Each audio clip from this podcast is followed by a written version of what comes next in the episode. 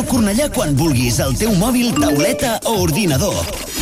Entra a radiocornellà.cat i se t'obrirà un enllaç per instal·lar al teu dispositiu l'aplicació de Ràdio Cornellà. D'aquesta manera, la tindràs sempre actualitzada.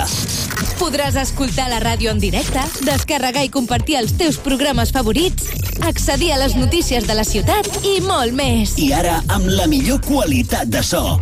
Ràdio Cornellà, sempre al teu costat.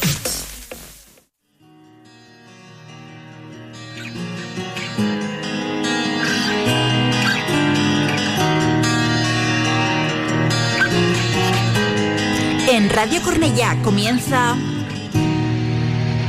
el octavo día. Lo mejor del metal.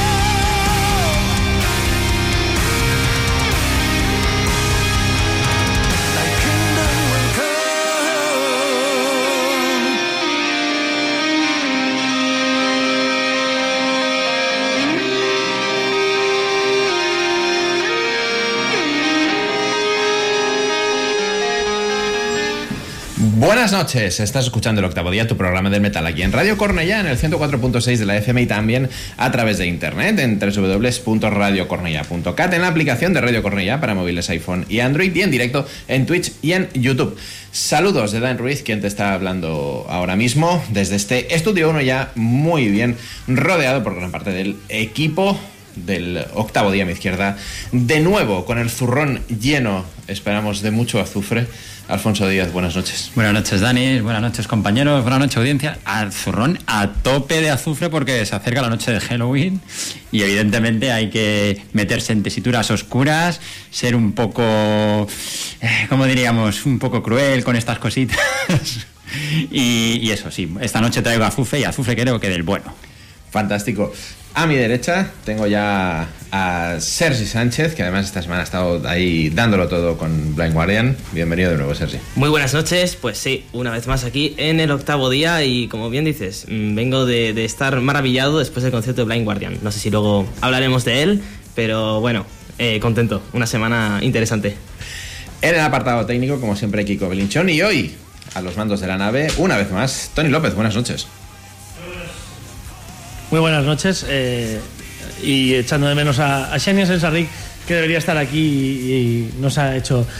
eh, hoy, hoy no la tenemos, eh, la tenemos seguramente al otro lado ya conectada. En todas las vías por las que podéis conectar en el octavo día, el 104.6 de la FM en Cornellá y su zona, en radiocornellá.cat a través de internet, en la aplicación para móviles de Radio Cornellá y, como no, en directo ya en YouTube y en Twitch, retransmitiendo simultáneamente eh, este, este programa. Muchas cosas en la noche de hoy que comentar y mucho material, con lo cual creo que nos vamos a meter rápido en faena. Hemos querido comenzar con el que yo personalmente creo eh, que Ángelus Apátrida aparte es el lanzamiento de la semana que es eh, Sorcerer, eh, la banda sueca lanza su cuarto trabajo Reign of the Reaper y un disco que no ha dejado no ha dejado insatisfecho a ninguno de los fans y que quizá espero que les eh, lleve a, tener eh, una mayor legión de fans porque realmente ya habéis escuchado el tema que hemos eh, usado para abrir hoy el octavo día The Kingdom Will Come. Temas que dentro de ser un estilo epic heavy doom son bastante accesibles, con un sello muy reconocible y unos sorcerer que para mí no es que no tengan disco malo, es que no tienen canción mala. Es de las pocas bandas que te escuchas los cuatro discos y, no hay una que digas, mira, esta me la salto.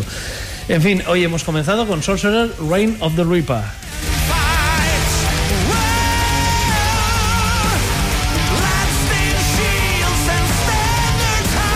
Yo esta noche no vengo tan halloweenesco ni tan eh, terrorífico, eh, pero Alfonso nos promete caña y a ver, comienza. Claro, Tony, porque estaremos de acuerdo los que estamos sentados eh, en esta mesa, alrededor de esta mesa, que el octavo día, si algo tiene, es que es un programa variado aquí, cada uno pues nos gusta un estilo diferente, con lo cual abarcamos muchos campos, pero siempre se quedan cositas fuera. Y personalmente pienso que uno de los estilos que hemos descuidado en los últimos tiempos, aunque sí que es verdad que se pincha bastante música extrema, es el death metal clásico. Que el death metal cavernoso. Y yo, pues pensando que nos acercamos a esta fecha tan señalada, que es la noche de los muertos, la noche de los difuntos, me he propuesto traer algo pues que yo creo que va a encajar a la perfección. Y quería dar un punto de originalidad y traer algo pues que creo que muchos de nuestros oyentes no van a conocer, pese a que estamos hablando de una banda bastante veterana. Si os digo que nos vamos a ir hasta Australia, pues ya creo que la cosa ya dices, ostras, no me suenan a priori muchas bandas de death metal, aunque las hay en Australia. Y vamos a ir pues con unos señores, porque es una banda veterana, una banda que lleva más de dos décadas en activo, que se llama Cemetery Arn. O sea, el nombre ya de por sí promete. Y lo que os decía, eh, es una banda que aunque, aquí perdón, son muy desconocidos, o yo creo que no tendrán muchos seguidores, sí que es verdad que en la escena de su país son bastante, bastante conocidos, hasta el punto de considerarse unas leyendas, porque en sus filas nos encontramos a Andrew Gillow, que quizás algunos sí que os suene por ser el fundador del proyecto Abominator, que también es una banda con bastante enjundia dentro de la escena australiana. En cualquier caso, eh, como os digo, son ya 20 años de carrera. El que vamos a escuchar, Suffer the Fallen, es su quinto lanzamiento. O sea que estos chicos, estos señores llevan ya una buena trayectoria. Y bueno, y pues si os digo que me he metido en vericuetos de death metal clásico de school, evidentemente, pues vamos a tener un sonido noventero que a muchos os va a recordar a lo que se hacía en Florida en esa época.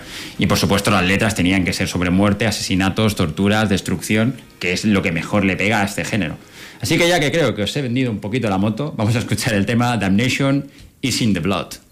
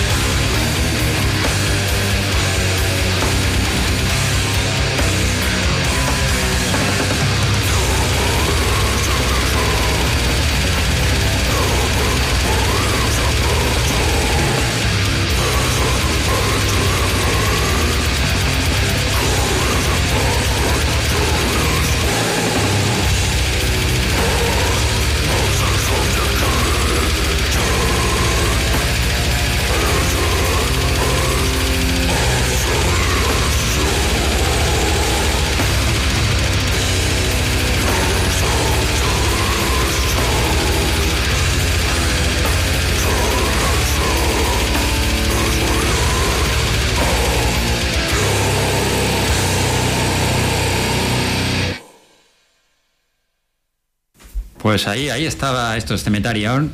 Y ojo, no sé si os habéis parado a, prestar atención. El trabajo de batería Brandon Gawich, increíble, ese motor en las piernas, absolutamente descomunal. La banda se completa con el bajista Joel Westbrook y curiosamente con otro de los miembros fundadores de Abominator, que es Chris Volcano.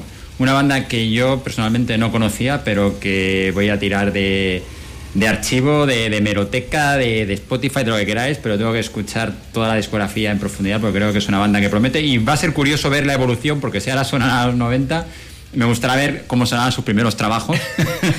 Más que nada, supongo que en el estilo será el mismo, pero quizás lo de la producción sea bastante interesante, porque ya digo, dos décadas de trayectoria dan para, para eso, han dado para cinco discos.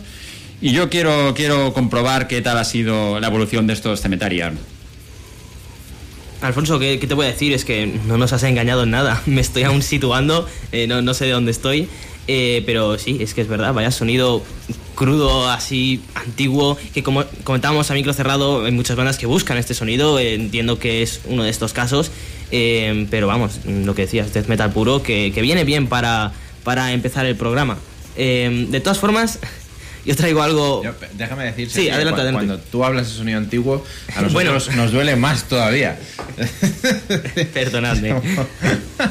Brandon, eh, a mí cuando has dicho Brandon me he encendido las, las alarmas porque Brandon mm, Parks en este caso era ex batería de Aligion, que es el tío que he visto tocar el bombo más rápido en mi vida. Ahí, ahí con el de Between the Barrier también, pero, pero Brandon de Aligion, una de las bestias más... Y, y no, no es Brandon Parks, ¿no? Seguro No, que no, no, a no ser. Acá, como dicen, no, no, no. Acá, no. Lo que estarás de acuerdo conmigo, Tony, que si te dicen que esto se grabó en Florida en 1989-1992, lo compras, ¿eh? Incluso lo compro si me dices que se grabó en Eindhoven en el También. 93, porque También, también, Tiene, tiene ese rollito de metal holandés, eh, alemán incluso. Eh, bueno, yo es que siempre cuando oigo este tipo de voz cavernosa death metal me voy a Gorefest, que es mi referente. Y Yo soy, yo soy más del americano, la verdad que siempre fui más Sí, de, sí, pero de la escena americana. pero- de no, no, este no, estilo. en general también, pero, pero Gorefest es un punto y aparte. Y la voz me recuerda a ratos bastante. y- Sí, porque es muy profunda, es Sí, muy, sí. muy intensa. Bien, bien, una banda a seguir. Y tanto. Y en serio, nos vas a traer algo, no sé si un poco desconocido también para el gran público. desconocido y muy diferente a lo que acabamos de escuchar. Eh, bueno, eh, igual algunos de vosotros os habéis quedado asustados, ya vengo yo para, para cambiar totalmente eh, el rumbo. Y es que traigo una banda de la República Checa, una banda que estuvo aquí en nuestro país hace unos meses con Lordi y con Almanac en la sala Salamandra y que era la primera vez que salían de la República Checa y es una banda que tiene eh, una peculiaridad bastante interesante y es que su cantante es checo y por tanto tienen una discografía y, un, y, unos, eh, unas canciones y unos directos, unos conciertos que hacen en la República Checa cantando en checo, incluidos por supuesto los discos, ¿no? Eh, ¿Qué pasa? Que cuando probaron de salir de la República Checa de hacer conciertos eh, fuera de su país, de su, de su zona de confort y darse a conocer, ser ya una banda internacional, el cantante no se sintió cómodo cantan- eh, cantando en lo que no era su lengua materna y no le convenció. Por tanto, les dijo a la banda que se buscasen una alternativa para el resto de Europa. Y eso es lo que han hecho. Tienen dos ramas. Esta banda es Dimitri y por un lado pues tienen su discografía en checo y por otro lado cuando salen de su país nos, eh, nos entregan su, su versión en inglés con otro cantante, con Allen Ljubich, que es la que vamos a escuchar ahora. No os voy a decir qué canción es porque creo que tenemos a alguien muy especial que os la va a presentar.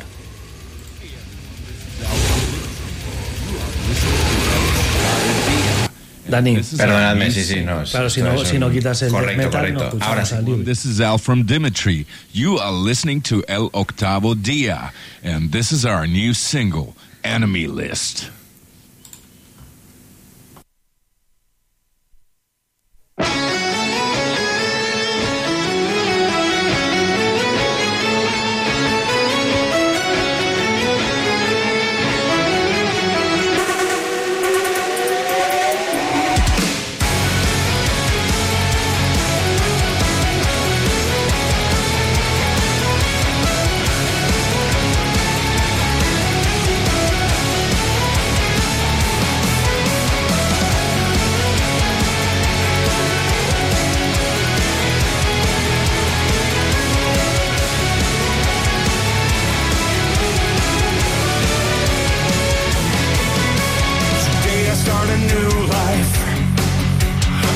The storm. Nobody can control me no more. I know your name, you'll never get away. I'll stand my ground and never disobey. You're not of my kind, my kind. Arms wide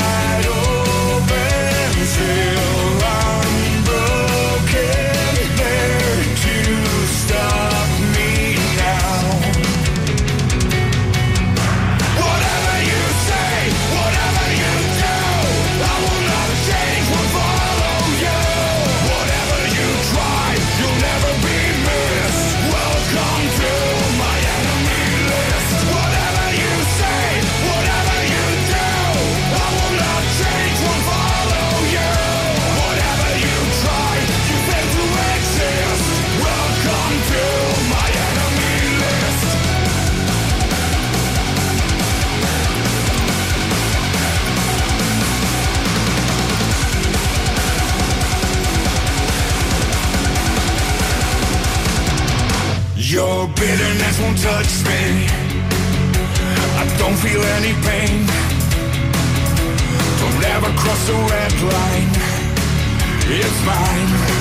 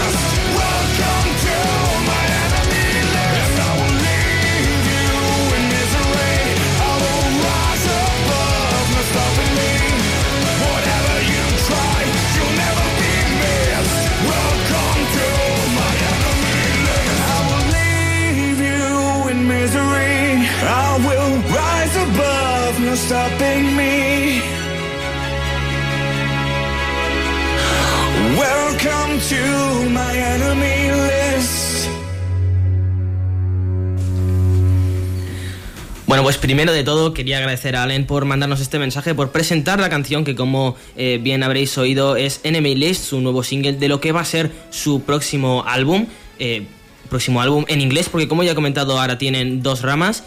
Eh, si os ha picado la curiosidad de escuchar más o si os molaría escuchar una versión algo más heavy, no tan nu metal, mm, más modernilla de estos Dimitri, os recomiendo que os escuchéis eh, Revolt, que sí que es un disco que pasaron del checo al inglés con este cantante, con Allen. Eh, así que por ahí, mm, pues estoy seguro de que podéis indagar bastante más. Y ahora creo que creo que mis compañeros aquí del octavo día querían dar un poquito su opinión y comentar sobre, sobre esto de dos cantantes, dos versiones de la banda, que, que creo que es bastante curioso. Yo era la primera vez que, que veía algo así, que escuchaba de algo así, eh, así que me pareció, me pareció bueno, bastante eh, raro. La verdad es que era raro, pero, pero bueno, Es por un ahora tema sí lleva. más común de lo que parece, sobre todo en, en países del centro de Europa. eh.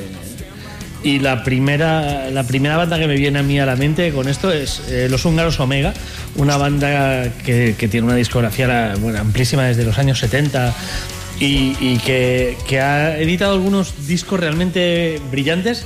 Tiene épocas que me gustan más y épocas que menos, pero hay una época proxinfónica que es muy chula en los 90.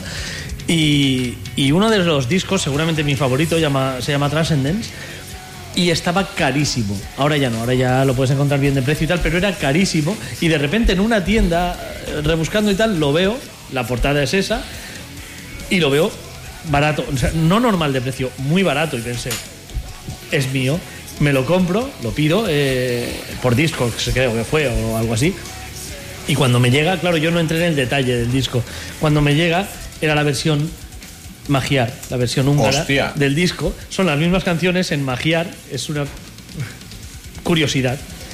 Es una curiosidad, la verdad. Y, y entonces, eh, tirando hacia atrás, descubrí que todos los. Bueno, no todos, pero muchos de sus discos hacen las dos versiones, la Magiar y la inglesa. Pero, pero yo bandas que cambian el cantante para cambiar el idioma no Eso conozco ya es- eso ya es ninguna, más ¿eh? difícil. Yo te voy a decir una, te voy a apuntar una. Rata Blanca. Rata Hostia. Blanca con Adrián Marilari, por ejemplo, es su cantante titular, pero tienen, por ejemplo, han hecho giras con Dewey White. Incluso tienen un disco grabado, lo tengo aquí delante, de Forgotten Kingdom, Sí. Que son las versiones de los temas de, de Reino Rata Blanca. sí, sí. Exactamente. O sea que tampoco es que no es habitual, pero tampoco es que sea una cosa súper No, no, extraordinaria. Lo, acabamos de ver con Ópera Magna, por ejemplo, es el propio cantante quien eh, graba en, en- en inglés el- la versión del disco eh, para lanzarlo a nivel internacional. Lo hizo Saratoga incluso con Leo Jiménez. eh, Correcto. aquel- De el clan Fight de la lucha. Fighting Clan. Clan. Correcto. Correcto, correcto. Pues, pues a ver, eh, al final, eh, Dimitri sí que cambian el cantante, como, como acabamos de comentar. Eh, en la República Checa es una banda muy grande que llena pabellones, mm, pero vamos, grandes, enormes, de, de estilo, ¿qué te diría yo? Igual unos Powerwolf o algo así. O sea, son súper grandes, súper conocidos. Eh, cuando salen de allí, evidentemente, es comenzar de cero. Al final, eh, tienen los recursos y tienen un- un, desenvolupamiento i- impresionante eh, en- encima del escenario, tú los ves y parecen cabezas de cartel, porque tienen esos recursos y tienen el material, pero al final está empezando de cero, no los conoce nadie, y ese papel es el que le ha tocado a, a este cantante, Allen. Entonces, eh, no sé, me cuesta del todo verlo, porque sí que es verdad, por ejemplo, en Alemania hay muchas bandas que cantan en alemán y que salen y siguen cantando en alemán y siguen siendo también bastante grandes. Entonces, bueno, en checo nunca lo había escuchado, pero se me hace borrar aún así. Pero la mayoría en Alemania también, incluso, eh, la mayoría usan el inglés.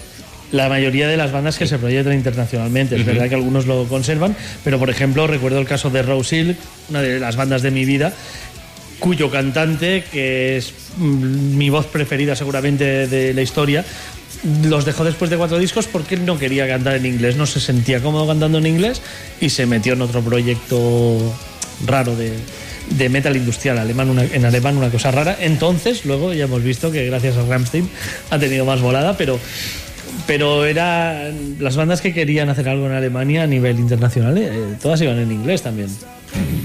Eh, Yo, creo que históricamente la- las bandas que han querido tener desde un inicio una proyección internacional se han tirado por el inglés, evidentemente. Yo sé, miramos para casa, a Bullset, por ejemplo, Angelus que hablábamos antes, eh, Niagara, incluso si nos vamos a los 80, son bandas que, aunque evidentemente son de aquí, pero estaban, lo que hacían era ya de cara al mercado internacional. Por ejemplo, Niagara, que son los que nos quedan más lejos de las tres que he nombrado, llegaban a girar por Inglaterra. Y de hecho no se quedaron allí pues porque quisieron regresar, pero tenían ahí contratos y para de hecho más giras por allí. O sea, tenía una proyección internacional. Evidentemente, el, el hard rock o el heavy metal de esa época en España estaba en pañales, o sea, era para consumo interno. Y lo que salía fuera, más allá de Barón Rojo, con alguna versión del, del volumen brutal en inglés, por ejemplo. Pero claro, aún y así, cantando en castellano, llegaron a tocar eh, en el Festival de Brujas, llegaron creo que a tocar en, en Japón. O sea que todo depende un poco de, de la proyección que tú le quieres dar a la banda. Lo que sí que yo creo que el tema es plantear eh, qué hacemos. ¿Cambiamos todos nuestros textos para salir fuera? O si vamos en castellano, como por ejemplo en su momento hicieron Héroes del Silencio, aunque no sea una banda de metal, esto es lo que nosotros ofrecemos y si es bueno, igual que Ramstein, aquí nos lo comemos y vamos a pagar las entradas a 120 pavos cuando vengan a tocar, pues Héroes, de- Bueno. Del Silencio se iban a Alemania, presentaban su espectáculo No y era una banda de metal, pero iban a Alemania que lo pidiesen heavies alemanes. Sí, sí. Y en directo mm, he visto bandas de metal sonar más. Sí, yo he visto a Héroes del Silencio en su época también. Los Y era una banda, por lo menos, yo diría de hard rock. En- y del bueno. En directo sonaban bastante más metal que Sobre todo cuando tenían la segunda guitarra. Sí, cuando entró, cuando entró Alan Moguslaski ya empezaron a sonar mucho más contundentes, claro. Eh, es, es cierto, y también eh, lo hablábamos, y Sodani es el experto eh, del tema, que hay muchas bandas, especialmente en Japón, pero yo creo que en todo el continente asiático, de hecho, pero eh, Japón es especial en ese sentido, que no es que canten en inglés o en japonés, es que cantan en inglés y en japonés. Lo tenemos con Galderius. Galderius es una frase en japonés, la otra en inglés. Sí, sí. Y tan felices. Y les, les da igual todo. Y todo Y- el mundo puede corear la frase en inglés y luego ellos sueltan su párrafo en japonés, no te enteras, pero me da igual. Exactamente, pero el ejemplo de Ramstein es, es muy evidente. Y aquí hemos visto bandas, o en este caso tú con Versalles, que lo hablábamos el otro día, que cantan en japonés y vienes aquí. Yo creo que la música entra primero por eso, por la melodía y por la propia música. Luego, evidentemente, es interesante eh, entender lo que está diciendo la banda, pero hablábamos también a micro cerrado y, y que nadie se ofenda. ¿Cuánta gente, por lo menos en España, entiende el inglés?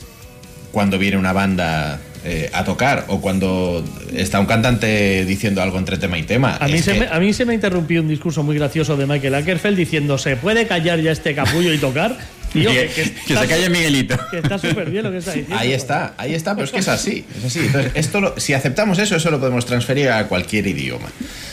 Eh, yo creo que una banda, porque estaba buscando rápido, esto ha salido sobre la mesa, no estaba muy buscado y estoy rápidamente procesando información a ver qué se me venía a la cabeza. Y yo creo que la banda que mejor escenifica en su momento las dos vertientes de lo que estamos hablando son Avalanche. Cuando sacaron Malefic Time con Ramón, eh, fue una apuesta porque pasaron ahí a cantar en inglés. Pero Direct- sabes que hicieron Moderer. Sí, sí, sí. Pero, pero en, el caso, en el caso de Ma- de Malefic Time era un álbum pensado únicamente en inglés. Correcto. ¿Vale? Y en cambio luego, más adelante, con Irra, eh, cuando sacaron El Secreto, también tiene las dos versiones, la que tiene en castellano y en inglés. Entonces, Ajá. lo que yo digo es, tienes que decir, voy afuera, eh, lo grabo directamente en inglés, o lo grabo en castellano para el público español y en inglés. Realmente son dos discos, porque no- hoy en día no se puede hacer una traducción chapucera. Tienes No, que no, adaptar los temas. En lo del el secreto, por ejemplo, el Mike Terrana tuvo bastante en la traducción y en arreglos para que cuadrase y quedase con cara y ojos. Entonces, ahí está la, di- la directriz ¿no? de lo hago directamente en inglés para, Al el- final, para todo el mundo. Creo que estamos en un estilo de música que es tan friki, por decirlo de alguna manera, pero realmente es tan pasional que cuando te gusta un disco, si hay dos versiones, vas a comprar las dos. Aunque no entiendas ninguno de los dos idiomas. Y, lo- y me vuelvo Omega. Yo cuando compré mis discos de Omega en Magiar y en inglés, sabía muy poco inglés y Magiar sigo sabiendo cero. Y me daba igual, eran canciones que sonaban bien. En, en- mira, de hecho, ahora eh, ha salido el nombre de Ackerfeld. Opeth sacó en sueco y en inglés su último trabajo. Y yo personalmente, por el tema de la sonoridad y demás, me gusta más en la versión sueca.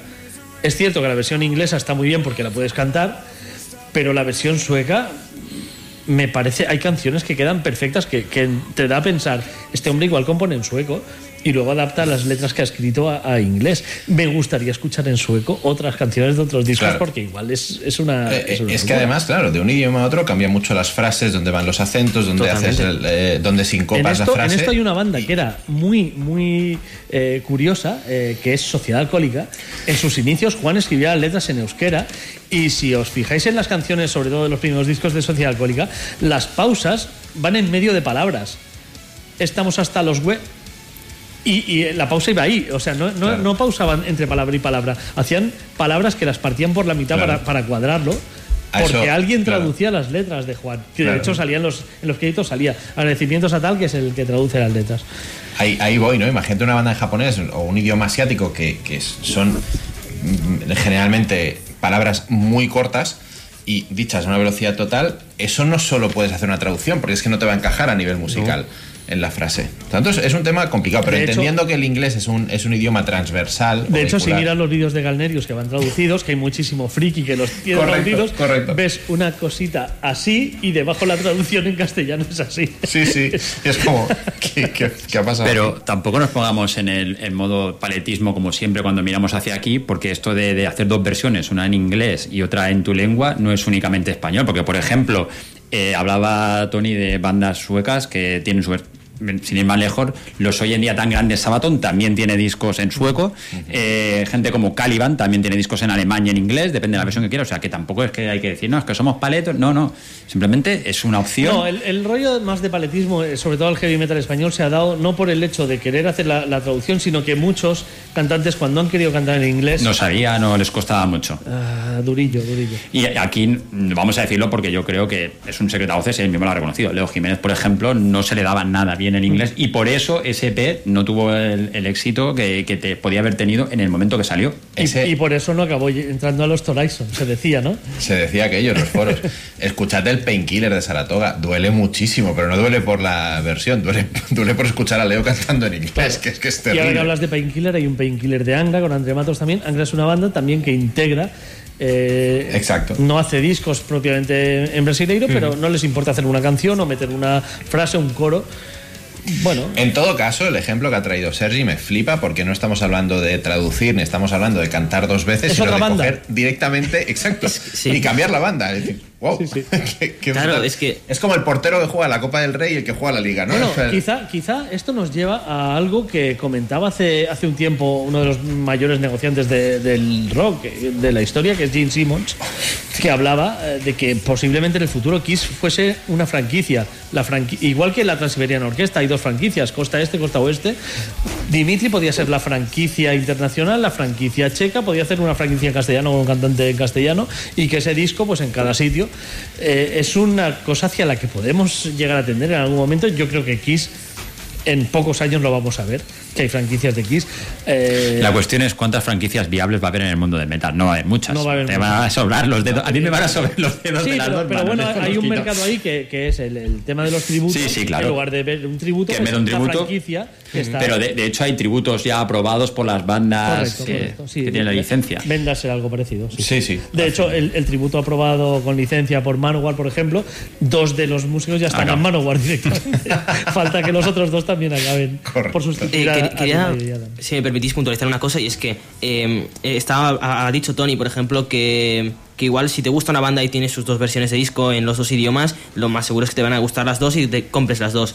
Eh, yo personalmente me escuché eh, Revolt, que es su anterior disco, en checo y no me llegó igual, pero no, no solo por la voz, es que el estilo de la banda también se está separando un poco. Allen le está transmitiendo al final el, un punto más heavy y en checo suenan bastante diferente y cada vez más. Y, no solo eso, quiero añadir también que eh, en este anterior disco sí que grabaron dos versiones, eh, en inglés y en checo, pero es que lo que viene ahora ya es, que son to- totalmente dos bandas diferentes con canciones que no existen en la otra versión. Quiero decir, sa- sacaron un EP en checo que no, no está en inglés ni parece que vaya a estar, y este single no está en checo, es, Y es entonces- material que no tienen en el otro lado. Sergi, perdona, como seguidor de la Sí. banda, yo no los conozco, ¿vale? No sería más. Porque, evidentemente, la versión checa es la que tiene éxito eh, en Chequia. En- sí. No sería más normal coger un nombre nuevo, si son temas completamente diferentes, e intentar una andadura.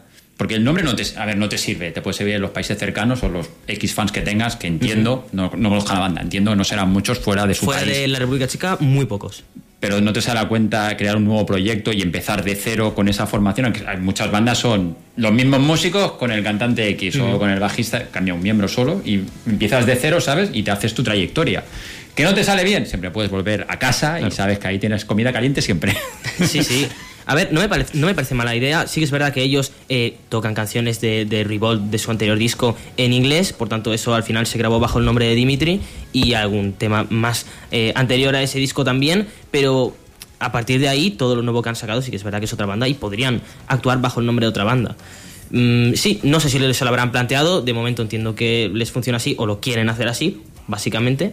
Eh, pero no sé, no- realmente me gustaría saber, intentaré preguntárselo al cantante y ya os actualizaré. ¿El cantante Eh, has dicho que era, perdona? Sí, Allen Lubitsch. Sí, eh, pero de nacionalidad. eh, no, no es checo, él no es checo, era, es él alemán. Es alemán. Vale, Mm. vale. Es que no sabía si lo habías dicho, se me había De hecho, pasado sabe muy poco checo, cuatro palabras que le han enseñado a la banda. Eh, intentaré preguntarle eh, hacia dónde va la banda, si quieren seguir por el camino de, de grabo totalmente, de, de grabo cosas diferentes que no van a estar en checo ni que van a estar en inglés y van a ser dos proyectos mm, paralelos con el mismo nombre pero o de Algo, otra- algo parecido me refería, tú Sí. que los conoces, los pusiste la semana pasada, hablamos de ellos. Absolva, por ejemplo, es la banda de Vale, pero cuando sí. no está Blade son Absolva. Exacto. Sí. O sea, algo así me refería. Sí, sí, sí. Bueno, eh, sí, estaría bien saber hacia dónde va la banda en ese sentido, porque es una buena propuesta, es- está bien pensado. Y ¿no? más si dices que estilísticamente, no que se separen, pero sí que tiene matices que hace que los discos Mm. sean diferentes, no solo Sí, sí, en el idioma propiamente. Exacto. De hecho, a mí no me encajan tanto en, en su versión en, en checo, básicamente por, por el estilo musical, no por la voz, ¿eh? A la voz sí que le he intentado dar una oportunidad. Si os parece, me he separado. Me he separado un poco para, para leer porque tenemos a mucha gente en Twitch conectada y nos eh, quieren participar también del, del debate y vamos a leerlos un, un poquito. Eh, Lester Gas nos dice, Masters Hammer son una referencia cantando en checo. Masters Hammer, eh, yo no los conozco tampoco. Metal que checo. Tenemos que, que meter- Metal checo, el, el niño de Hansen y poco más, ¿no? Hostia, es verdad. claro. Es verdad, es verdad. No sé si igual me estoy colando, pero Master Hammer es una banda de Dead Black, puede ser, que yo me suena de los años 90. Que Eh. yo tenía, me acuerdo perfectamente, eh, un disco de Amorphis en una cara y en la otra de Master Hammer. Estoy buscando información. Pues podría ser. Eh, Eh, sí, sí, ellos son, aquí están. Exactamente. eh, el disco Ritual, el primero es el que tenía yo grabado. Mío. Pues eh, de él nos habla Lester Gas Sirvelun, dice nove- Novembre y Klim eh, 1918 también hacían pasajes en italiano. En italiano también tenemos a los Cradle italianos que trajo Dani hace Correcto, semanas. correcto. Eh, en Italia hay mucho italiano y debería haber aún más. Necesitamos música en italiano. Eh, Eriol 81, a mí no eh, me acaban de convencer eh, que un disco hecho en un idioma lo cambien a otro. Eh, Juan que Metal dice que flipa de Dimitris que se sientan a comprar un CD diferente para el cantante en inglés. No es traducción, es material nuevo y diferente. Eh, Xenia dice que pasó lo mismo el pasado jueves en Blind Guardian, que el de al lado no entendía a Hansi y le mandaba a callar, lo que he explicado yo de Ackerfeld. Es, eh, o sea, si no lo entiendes, cállate tú Correcto. y, y ya está. O sea, yo entiendo eh, que la gente diga ¿qué me estás contando si no te entiendo? Bueno, pues cállate. Y, y responda ojo, Tony, sí. perdona, perdona que te corte, pero es que Hansi no se caracteriza por dar unos discursos muy largos tampoco. No, además es que es eso, tampoco es el. No es Ackerfeld tampoco. Eh, nos dice Sirvelum que el rey indiscutible es de Billy Roth. No recuerdo en cuántos idiomas diferentes salió el LP de la Yankee Road. Sí, pero hacía falta eh, leer la tre- las letras para entender lo que decía en castellano, ¿eh? Correcto. Eh, dice Lester Gas también, los recientes trashes Quasarborn sacaron dos discos en inglés y el tercero en serbio. Y me gusta más en serbio. Eso es lo que me pasa a mí con el sueco de Opeth. Correcto. Eh, Moonspell en portugués es mucho más poderoso, también nos dice. Es cierto, el, mil- el 1755, para mí, sin tapujos, es mi disco favorito de Opeth. Y sé que está feo decir eso, un disco tan nuevo, pero es, es el disco que más me llega de Opeth. De- de Opeth, no, de Moonspell. De Moonspell, de Ay, de Moonspell. Moonspell, de Moonspell, joder. ahora- La traicionar subconsciente. Total. Eh, también te motiva para intentar aprender inglés para no perderte cosas, dice Pepe. Eh, bueno, y, y tenemos eh, miles cantan en galego también, nos apuntan. Sí, señor. Eh, cada idioma tiene una sonoridad diferente, dice Witch No Fred, y te aporta un valor adicional a la música. Witch No Fred, que es nuestra meiga galega, que también el gallego, desde luego, es, es un idioma fantástico, igual que el portugués. La, la música conecta, ¿no? Más allá del, del idioma, porque incluso en la etapa hablábamos de idiomas eh, más inicial, más potente seguramente de Vidras a la Sangre en su proyección, también salieron fuera y tocaron en Alemania, cantando en catalán y en el resto de España. O sea, la, la- la música conecta mucho más allá del idioma, pero creo que sí que es, eh, es cierto que entender lo que la banda te está diciendo pues, supone Sí, pero luego tienes la pérdida de la esencia. Vamos a meter en, el- en esta ecuación, esta conversación, otra banda que tampoco es de heavy metal, que fueron Sopa de Cabra. Yo me acuerdo que cuando estaban en lo más alto dijeron, vamos a cambiar, vamos a cambiar en- a cantar en castellano. Y se pegaron el batacazo. Fueron a Madrid y se pegaron el batacazo. O sea, a veces, si lo que tú haces lo sientes y lo transmites, tú haces esto. Al que le guste, ven- vendrá a ti. O sea, tú lo ofreces, vendrá a ti. Si no, les, si no les Alfonso, gusta... es que no solo se pegaron el batagazo, es que yo recuerdo tener en un programa que trajimos a Gerard Quintana Uh, y vino, eh, venían fans de la banda eh, como público y una de las chicas que vino era una chica de Madrid que había aprendido catalán porque le flipaba Sopa de Cabra y había y, y comprando los, los discos de Sopa de Cabra se aprendía las letras y aprendió catalán así y no quería Sopa de Cabra en castellano. Una chica de Madrid. Claro, es que esto, esto te pasa también. Esto es Sí, así. sí, claro. De hecho, yo y tantos otros como yo, en mi época se estudiaba francés en el colegio, no inglés.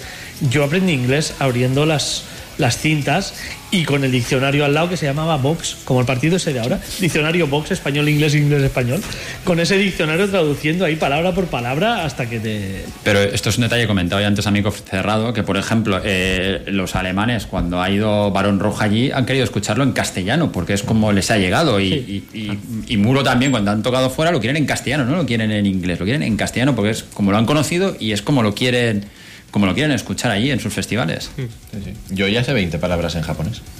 20 ya. Bien. ya bueno, con 20 ya puedes casi escribir un libro, ¿eh? Si saben lo que significan, lo que saben las palabras. Correcto. ¿Hay algún mito en japonés de estos que hay no sé cuántas palabras para decir, como por ejemplo esquimal, que había 300 para decir blanco y solo hay cuatro en realidad? Pero es un mito que todo el mundo repite como si... En, En chino también hay una palabra que según el acento o la pronunciación significa hola, eh, me voy. Sí. En, en japonés se da esta curiosidad que una misma palabra, dependiendo de cómo la leas, tienen varias lecturas. eh, Puede significar verde, arroz o metralleta. Ajá. Entonces es eh, complicado. Y arroz metralleta entonces no. Imagínate. imagínate. Si hay una variedad de arroz que es arroz metralleta será jaja. ¿no? Seguramente sí.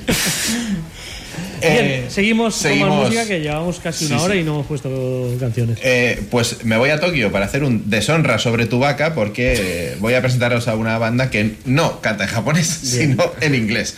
Precisamente hablo de Spadray, una banda que vamos a presentar aquí hoy, que se formó hace muy poquito, formada por cuatro músicos bastante veteranos de la escena del heavy, del neoclásico japonés, que han decidido dar una vuelta de tuerca, alejarse un poquito de esos ritmos y ponerse traje y corbata y darnos un hard rock eh, o un hard heavy mucho más elegante. Hablo de músicos de Excelsia, de Damian Hamada's Creatures o de Significant Point, es decir, eh, eh, bandas de muchísimo, muchísimo nivel. De momento no hay ningún LP, hay varios singles, el último es del finales del año pasado y suena así, Spadray.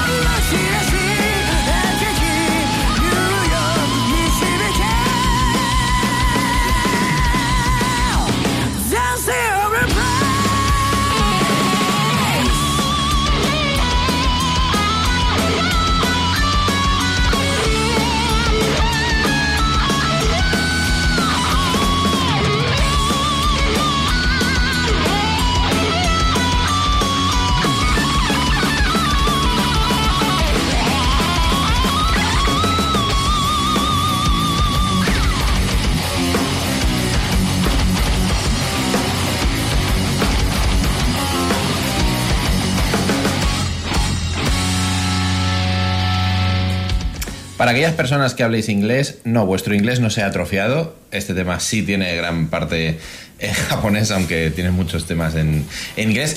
Spadrey, como decíamos antes, eh, esta mezcolanza de músicos se ocurrió Kazuma y Fumilla, alejándose de esos sonidos de sus bandas madre, mucho más enfocados al power y al neoclásico, relajándose un poquito, pero como ya habéis visto, con una propuesta también. Sí, pero, sí, pero, ¿eh? Bueno. Sí, el último solo te lo firma Siu. sí, sí, sí. Hombre, la cabra tira al monte, pero ¿Esto? en general lo que hemos escuchado, Esto. súper elegante. Bueno, te lo, que te lo firma Galnerius esta canción. Hay hay muchas cosas que parecen fusiladas, con respeto lo digo, pero hay muchas, muchas cosas que nos gustan, a los que nos molan este estilo de Sí, música. claro, claro. Están ahí Totalmente. con clichés, tirando de clichés, pero muy bien tirados y muy bien ensamblados. De momento, Give Me Your Voice, Rainmake eh, y Flugel Into the Light es lo que teníamos de 2021. Y este Dancing of Blaze de 2022, yo tengo ya el foco muy puesto en estos Spadrey para ver qué nos dan a nivel de LP. Los que nos van a dar un LP glorioso como siempre, Tony, o- Pues, o, eso pues, esperamos. tiene toda la pinta. Eh, os voy a a- acompañarme en esta triste historia. Porque yo, el eh, próximo viernes 3 de noviembre salen mis dos discos destacados del mes de noviembre. Lo tengo clarísimo. Graven Sin, por un lado, con Nicolás Leptos a las voces, eh, Epic Power, eh, Heavy, de, de una factura bestial. Eh, y por otro lado, el de Angra. Son dos discos que sé que son mis dos preferidos de noviembre. Pero ¿qué pasa? que DGM saca otro disco, Simone Mularoni saca otro disco, y dices, bueno, pero será otro disco más. Se va a llamar Live, que es justo lo contrario de lo que pone en mi camiseta, que hoy pone. Correcto. Sale el 17 de noviembre y sí, eh, hicieron un primer adelanto que era una canción que estaba bien, era un 100% de GM y estaba bien, pero es que el segundo adelanto a mí me ha volado la cabeza. Especial atención, por favor, a la parte de los solos, porque no es una demostración de Mularoni que podría. Pero no es una demostración de mirad qué bueno soy, sino es una demostración de balance entre todos los instrumentos, con lucimiento absoluto de todos y cada uno, pero además con una melodía bestial y con una conducción tremendísima hacia el final, eh, hacia el estribillo final. Esto es To The Core, así suena lo nuevo de DGM.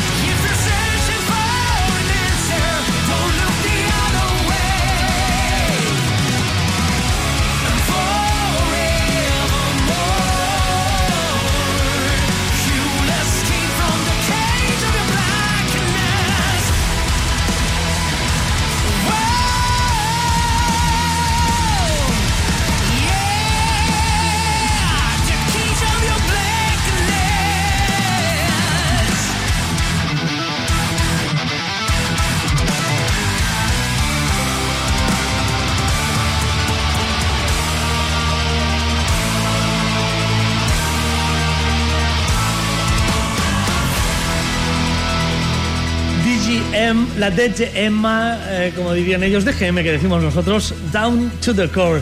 El tema que adelantan de este nuevo live, eh, 17 de, de noviembre. Una banda que ya es el decimoprimer disco de estudio después de, que se fundase en el año 96. Una banda totalmente diferente. Si escucháis el primer disco de, de DGM y escucháis este último, no, no, no son la misma banda. De hecho, no son los.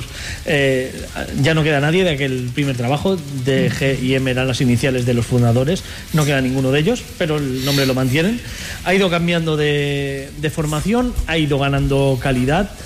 Eh, con Tita Tani creo que hicieron unos discos muy muy buenos a, a comienzos de siglo, hicieron discos realmente destacables. Qué bárbaro. Pero Simone Mularoni es una auténtica bestia y, y le- a- precisamente hablé con él, es un tío súper majo. Y hablé con él porque, eh, si recordáis, aquí pusimos un disco de una banda llamada Noveria, que también italiana, que grabó en los estudios Domination, que lleva el propio Simone Mularoni. Le dije, Simone, tío, eh, te han robado el sonido. Esta gente suena a DGM. El disco es, es como. Es que vais a tener muy difícil sacar un disco mejor que este en este mismo estilo. Y me dijo, espera. espera y cuando lo escuches me dices. Pues. eh, Vale, pues me callo. Mis respetos. Simone Mularoni, que, que, amo es este tío y, y qué bien suena lo nuevo de DGM. Curioso cuanto menos, ¿no? De que es de ese escaso, yo creo, cupo de bandas que siguen hacia adelante sin ningún miembro fundador. Se me ocurren otras como Stratovarius también, que le pasan por algo similar. Sí. que es verdad que han cambiado mucho, pero yo creo que la esencia, ¿no? De, de- de ese hard rock así, con toques metaleros, melódico. Bueno, es, es una banda muy prog power. Sí, ahora sí. Hablas de prog power y te viene Sinfonía X a la mente y ya todo seguido ya viene DGM y bandas así. Sí, sí, que tiene ese toque hard rock, sobre todo en la voz. Santo, eh, pero yo veo que hay una evolución, evidentemente, más que nada, yo creo que, pues eso, por los diferentes músicos que han ido desfilando con el paso de los años, que evidentemente, mm, el primero es de mediados de los 90, me parece, ¿no? Que era el primer disco mediados 96. de los 90. 96. 96. Han pasado ya 30 El añitos bien, Change bien. Direction, que es que es un disco realmente malo, el cantante era realmente malo y el siguiente, también el segundo disco, hay canciones que dan un poquito de vergüenza. Es el, yo de hecho eh, me lo- los conocí porque Arais, época Arais en Barcelona, y cogí el, el primer disco, lo cogí de un cubo de estos que enviaban allí promos italianos, todos los que quisieras y más, y, y dije, va, yo me quedo este, que me gustó la portada y tal, y lo escuché y pensé, "Uf, no puede ser, esta gente no va a llegar a nada. pero, pero veías que, bueno, el guitarra, Diego Real y eh, sonaba Había detalles, había detalles Sí, que había cositas que me hicieron comprarme el siguiente. Y el siguiente había alguna canción que está bien, pero vergüencita ajena algunas otras, ¿eh? Cuando dije, no, esta banda nunca más, fichan a Tita Tani, sacan Dreamland, que es su tercer disco, y, me alucinó la voz de, de Tita Tani, que por cierto es profesor de batería y es batería en varias bandas de death metal. Pero en cambio canta power y, y prog. Eh, a partir de ahí mm, me empezó a gustar cada disco más que el anterior. Y es que con cada cambio, con cada paso se ha hecho mejor esta banda. Y, y Hasta- Tony, siendo tú muy fan de ellos, ¿han, han venido por aquí a tocar? Sí, sí, sí. De hecho, de hecho los conocí. eh, vinieron, hicieron la gira que se llamaba The Triumvirate Tour con Secret Sphere, DGM y Trick or Treat. Ah, espera, fue, una- fue Sí. en, en Bikini. Aquí fue en Ubloat. ¿Ubloat? Aquí en Barcelona fue en Ubloat. Yo me fui a verlos a Zaragoza también. Venían con Skeleton. Es verdad, es verdad, es verdad. Sí, sí, estaba por ahí. Estaba, estaba- estaba por ahí yo también, no no me acordaba. Pues eh, en Zaragoza, que fue como tres o cuatro días antes, es donde. Claro, allí la verdad es que fue un pinchazo. Hubo bastante poca gente. Y claro, pudimos estar con ellos allí la noche. Tampoco tenía nada más que hacer hasta, hasta la mañana de salir al tren. Y gente súper maja. Y luego tocar, esto fue un jueves, que un miércoles, y el domingo tocaban en Obloat, en Barcelona, que mm, les hice casi de anfitrión de la ciudad ese día y tal. Y muy bien. Y luego me fui a verlos incluso a Italia. Y pff, la verdad es que, es que cada vez que los ves son mejores. Ya no pue- ¿Cómo puedes mejorar esto? Lo mejoran. Y Nos- este tema Core me ha, me, ha, me ha volado la cabeza, literal. Nos decía Inma en Telegram que Mularoni te hizo un sujétame el cubata. Sí, totalmente, totalmente. Sí, Que no- que no puedo, es que, ya verás. es que el disco de Noveria me gustó tanto y suena tan a DGM y, y está grabado en, en su estudio. De hecho, le dije, has puesto el preset que usas con DGM, tío. Y me dijo, no, no, con DGM no uso preset. Evidentemente. Y sí, sí, eh, lo va a superar, lo va a superar. Le faltará una cosa que tiene el de Noveria que no va a tener el de DGM, que es una canción con Fabio Lione. ¿Qué grupo no tiene una canción con Fabio Lione? Correcto. Pero sí, sí, eh, absolutamente eh, stunned, que se dice, con el tema To the de DGM. Pues no pondré las manos en el fuego, Tony, pero creo que los siguientes en sonar esta noche tampoco tienen canción con Fabio Lione. Y es que nos vamos a ir hasta, hasta los Estados Unidos. Y vamos a abrir el capítulo ese que yo creo que cada vez es más recurrente, que es bandas que todo el mundo conoce el nombre y que poca gente conoce su discografía. Y, y- y eso que creo que en los últimos años la cosa ha mejorado bastante. Y es que vamos a hablar de, de los americanos Siri Zungul, que recientemente publicaban su nuevo trabajo, Dark Parade. Sí, hombre, Fabio Lione con Chid. Ese día se puso enfermo y no pude, no no cantar. no. Eh, como decía, eh, hace escasamente unos días publicaban su último trabajo, Dark Parade, y prácticamente coincidiendo con, con la noticia de- del lanzamiento, anunciaban que 2024 iba a ser el último año que iban a, girar en directo, con lo cual su actividad pues en vivo parece ser que se va, se va a parar.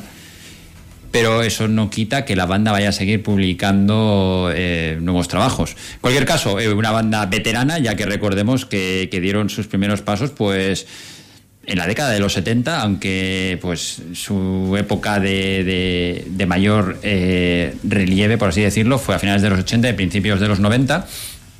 Y es que, pues aunque el heavy metal fue muy importante durante la década de los 80 en Estados Unidos, sí que es verdad que había una escena alejada de la laca, eh, alejada también del thrash metal, que se quedó un poquito ahí en segundo plano y que se quedó para, por decirlo de alguna forma, para el café de los muy cafeteros, o sea, para los que les gustaba el heavy metal más tradicional, más que con tintes británicos también, porque en sus inicios, pues la gente de Ciritungol hacía versiones de Budgie, hacía versiones de los Beatles incluso, o sea que se nota la, la permeabilidad de- del rock británico de, de- de toda la vida.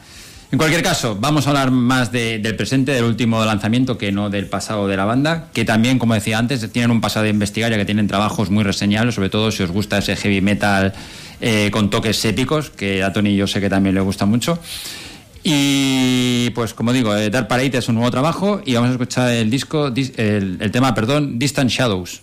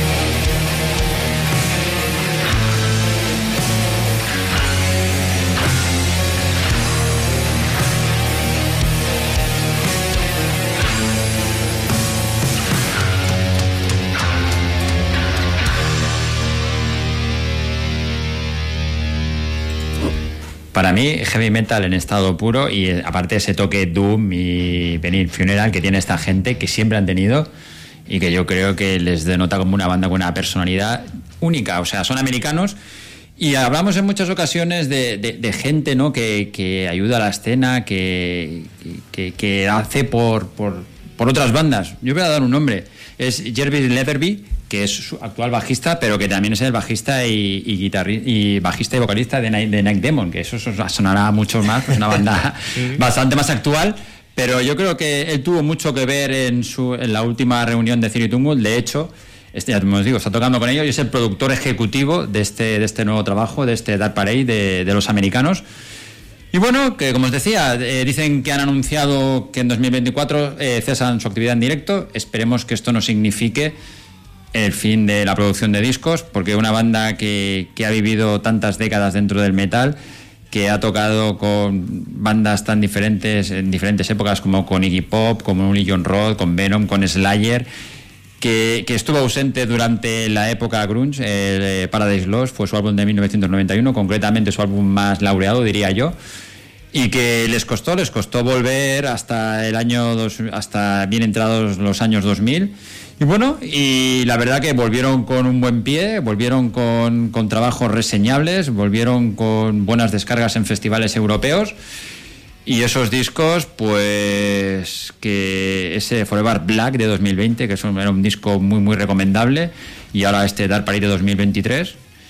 Y entre medios, o mejor dicho, antes de este Forever Black, este álbum que yo creo que, que les acercó a una nueva generación de metaleros, que fue el I'm Alive, ese, ese doble directo, que lo recomiendo para los que queráis tener un resumen de lo que había sido la trayectoria previa de, de Ciro Tungun. Una banda, como digo, que todos, a todos nos suena el nombre, o a todos os suena el nombre, y que pocos conocéis en profundidad. Una recomendación, ese disco en directo, ese I'm Alive de 2019, que os servirá para, para poneros las pilas y, y para que os pique la curiosidad y queráis descubrir el legado de una banda que merece mucho, mucho la pena. Desde luego que sí. Kiri Tungol, teóricamente, aunque la banda lo pronuncia Sirit, Siri Tungol. Yo había eh, escuchado mucho el nombre y muy poco su música. Sí, pero, y la habías leído también, ¿no? Sí, eso, desde, eso desde, desde luego. Pero bueno, vamos a hacer un cambio, un giro bastante importante ahora de la mano de Sergi. Aunque Eh, esta banda sí. sí, es más conocida en Sí. profundidad que, que Kiri Tungol. Mucho más conocida, eh, entiendo que sí. Eh, seguimos con la ráfaga de Fabio Lione, esta banda sí que cuenta con el cantante, de hecho en la actualidad, y están grabando con ellos, es el cantante de la banda, pero yo me quiero remontar al año 2010. Eh, he escogido esta canción porque me apetecía rescatar este, para mí, clásico, tema que ya se queda atrás en el tiempo. Eh, pero no solo porque me gustase, sino porque ya que mm, llevo unos programas aquí, quería mm, enseñar un poco el por qué mis inicios en, el metal y con esta banda, concretamente con este disco, eh, no concretamente con esta canción, pero con el disco en general, fue uno de mis puntos de inflexión escuchando esta música. Eh, ya me gustaba de antes, ya había eh, descubierto otras bandas como Rage, como Maiden, como Udo, pero cuando descubrí Angra, empecé a ver el metal como algo que ya me llamaba la curiosidad, que quería descubrir, que quería investigar y que era lo mío. Así que esto es Awake from Darkness de Aqua.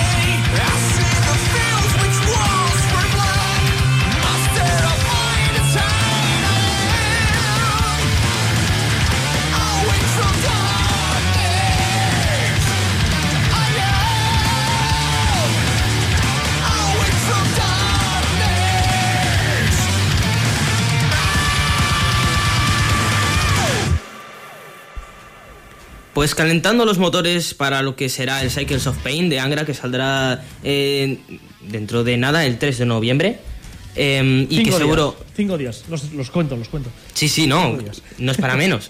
Eh, y que seguro que tendremos por aquí, posiblemente de la mano de Tony, pero no os preocupéis, que escucharemos algo también de, de lo nuevo de Angra, pero no quería perder la oportunidad de traeros eh, una canción de un disco que me marcó muchísimo, una voz de Edu Falassi que, que me maravilló desde el minuto cero. Eh, así que bueno, quería compartir eso con vosotros. Os quería preguntar así por si os viene algún disco que os marcase así tanto a la mente, algo rápido. Si, si no, pues lo dejamos pasar, pero no sé si tenéis alguno así que os venga, que os venga fácil. Raining Blood, lo tengo clarísimo. Ah, vale, claro. claro. Incontestable. Eh, eh, empieza a no, está- no estamos hablando, no estamos hablando de Angra, ¿no? Estamos No, hablando no, no, del disco no, que te marca. Exacto, exacto. Sí, sí, sí. sí. Claro, hablamos de 2010 Aqua, por edad. Ujú. eh, 1986. Te- encaja. 86. Cu- Cuadra todo. También, también es cierto que no lo escuché el día que salió, ¿eh? me esperé la semana después. Bueno, claro. Ah, bueno. Es que Sergi tampoco escuchó esto el día que salió porque No. tendría meses. O un año. No. Pero hay que matizar, Tony, que si no me caen los años encima ya que es una pasada.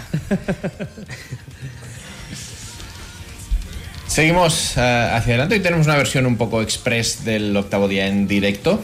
Después os daremos más info. Yo quiero regresar a Japón también, pero con una propuesta que se me quedó en el tintero la semana pasada que me parece interesante, sobre todo para el sector panda del octavo día. Le he tenido que dar más de una vuelta porque como decíamos antes el idioma es una barrera y eh, cuando uno busca bandas en según qué países pues ya sabéis que somos un poco primirats que decimos aquí que nos miramos mucho el contenido porque detestamos ciertas cuestiones y esto en Japón también pasa mucho así que le he querido dar una vuelta Esto La es algo que se- en la próxima hora se va a tratar este tema. Ah, pues mira, perfecto, perfecto. Ahora luego comentaremos. La banda tiene un nombre impronunciable a todas luces, voy a intentarlo. Zui Moskva, Z-X-U-I M-O-S-K-V-H-A, que es algo así como hacia Moscú. Según he podido saber. Es una banda que trata muchos temas eh, también a nivel bélico y en Japón eso es delicado. Me he asegurado que en este caso no hay banderas imperiales ni nada de eso, sino que como en el tema que vamos a escuchar ahora, que es Aftermath, se relata sencillamente. Mira, de eso también vamos a hablar dentro Sí, de. correcto, no, correcto. Eso es, es muy cierto. en, en este caso se relata desde el punto de vista de la gente de Japón que recibió en Hiroshima y Nagasaki la explosión de las bombas atómicas. Un tema durísimo, pero una banda que creo, que creo que los que gustéis del black metal o de los sonidos más extremos debéis tener en cuenta. Os dejo con ellos, Zui Moxva. Esto es. Aftermath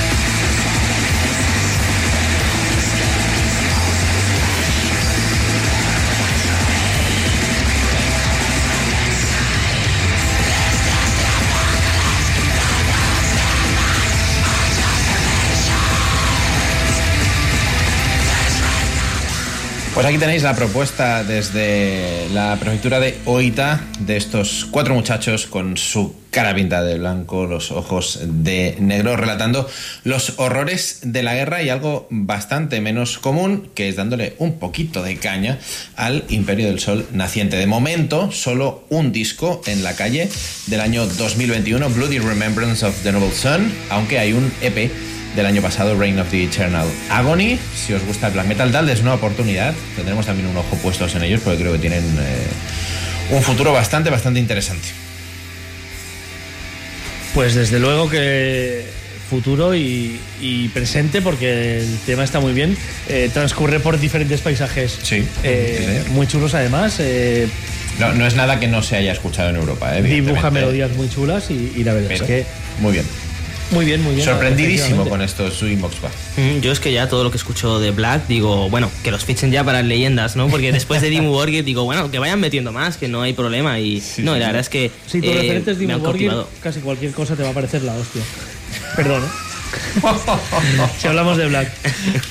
A ver, también hay- que decir en defensa de Sergi que él mismo dijo que era un estilo que no conocía mucho Sí, y, no, no. y se entra por una puerta y se sale por una Claro, ventana claro. y tú lo sabes mejor que nadie. Yo no lo digo por Sergi, evidentemente al Black te acercas por Dimmu Borgir, pero que vamos, que estás en la puerta, o sea, cuando pasas... Claro, cuando llegues vas a flipar. es- es- es- También te digo, vigila con las señales de tráfico, gente parando autobuses, taxis, historias si no quieres tener problemas. Eso es. Correcto, correcto. Hay que investigar un poquito eso, pero sí, sí. Luego, te te, digo- luego te lo explico.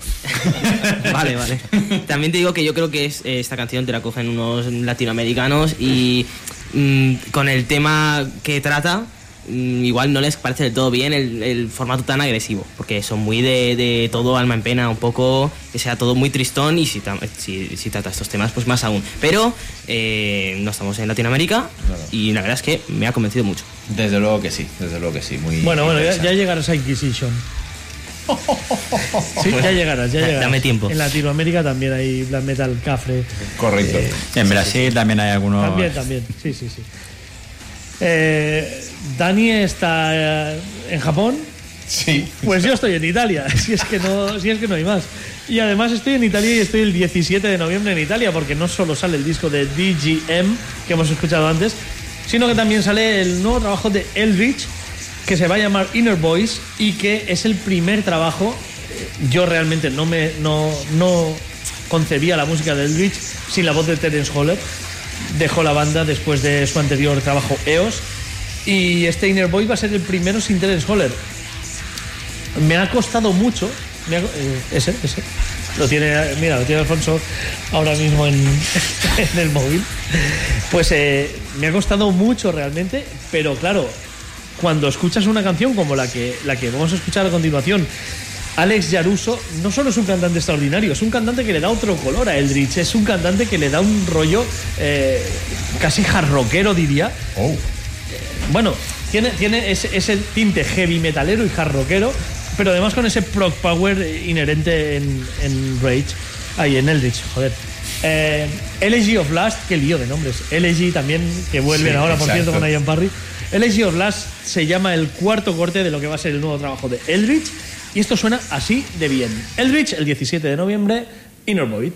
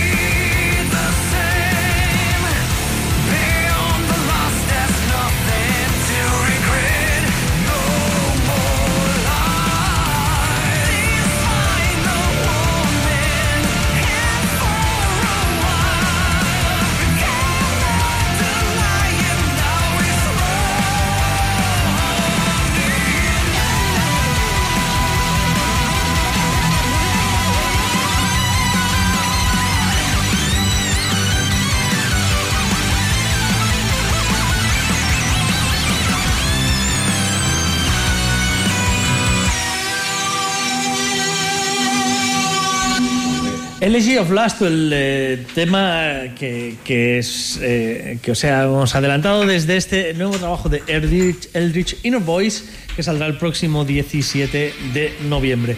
Un Alex Yaruso que nos ha sorprendido gratísimamente a las voces de la banda de Eugene Simone y de, y de Oleg Smirnov, es el mejor nombre de músico eh, jamás puesto, De allá que también es teclista de Labyrinth y fue teclista de, de CSS, de Vision Divine y de tantas otras bandas. Eh, bueno, me ha encantado, ¿qué voy a decir? Eh, es el sonido puro Eldritch de, de bajo, de una voz totalmente distinta a la de Terence Holler. No sabía cómo lo iba a recibir, pero vamos, yo lo he recibido. Me ha encantado este disco. Yo, también me pasó algo parecido, me acerqué un poco reticente, no te voy a engañar, a ver qué tal sonaran estos nuevos Eldritch, porque claro, evidentemente cuando en una banda que tiene ya una trayectoria tan larga eh, cambia un miembro, ya la cosa como que te pones un poco a temblar. Y si es el vocalista, que es lo que, además- entró primero, que pues... además es una voz tan personal, que Sí, no es sí, la claro. típica voz de power, eh, que tiene un timbre muy personal, Terence. Y, y es verdad que este sí que quizás es una voz más típica, pero también, no sé, hay, hay canciones que me recuerdan un poco a voces de, de hard rock sueco, ¿no? Eclipse, Hit y bandas de este tipo, pero, pero también a la vez eh, consigue llegar a, a- a tono más acorde al power italiano. Eh, Sin acabar de hacer power, porque el Ditch siempre ha tirado más hacia ese pro que power que no al power puramente dicho. Pero bueno, un disco muy interesante, la verdad, y que nos devuelve unos el Ditch en plenísima forma, creo yo. Vamos, me ha encantado. Sí, sí, ha sido, ha sido poco tiempo desde su anterior EOS, pero la verdad que la banda eh, se ha rearmado y vuelve con, con las pilas bien cargadas. Y, Un disco que es verdad que era muy bueno EOS, tenía temas muy buenos, pero que ya empezaba a ser, bueno, otro disco de Eldritch. Era un, Bueno, a mí a nivel de calidad me parece que era un disco que, Era- sí. que estaba a un muy, muy gran nivel. ¿eh? Por eso me sorprendió Sí. un poco la partida de Peras y la incorporación de, nuevo vocalista y que hayan, se hayan rehecho tan rápido, ¿no? Y para presentar un tema que, también digo, me ha sorprendido el disco, que suena muy bien y también creo que compositivamente está a un nivel muy, muy alto. Sí, sí, ya lo estaban en EOS, de hecho, es, lo que tú dices. Pero bueno, al final creo que es un- una bocanada de aire fresco eh, bastante importante y Alex Yaruso, que, que vemos que ha hecho un trabajo fantástico. Eldritch.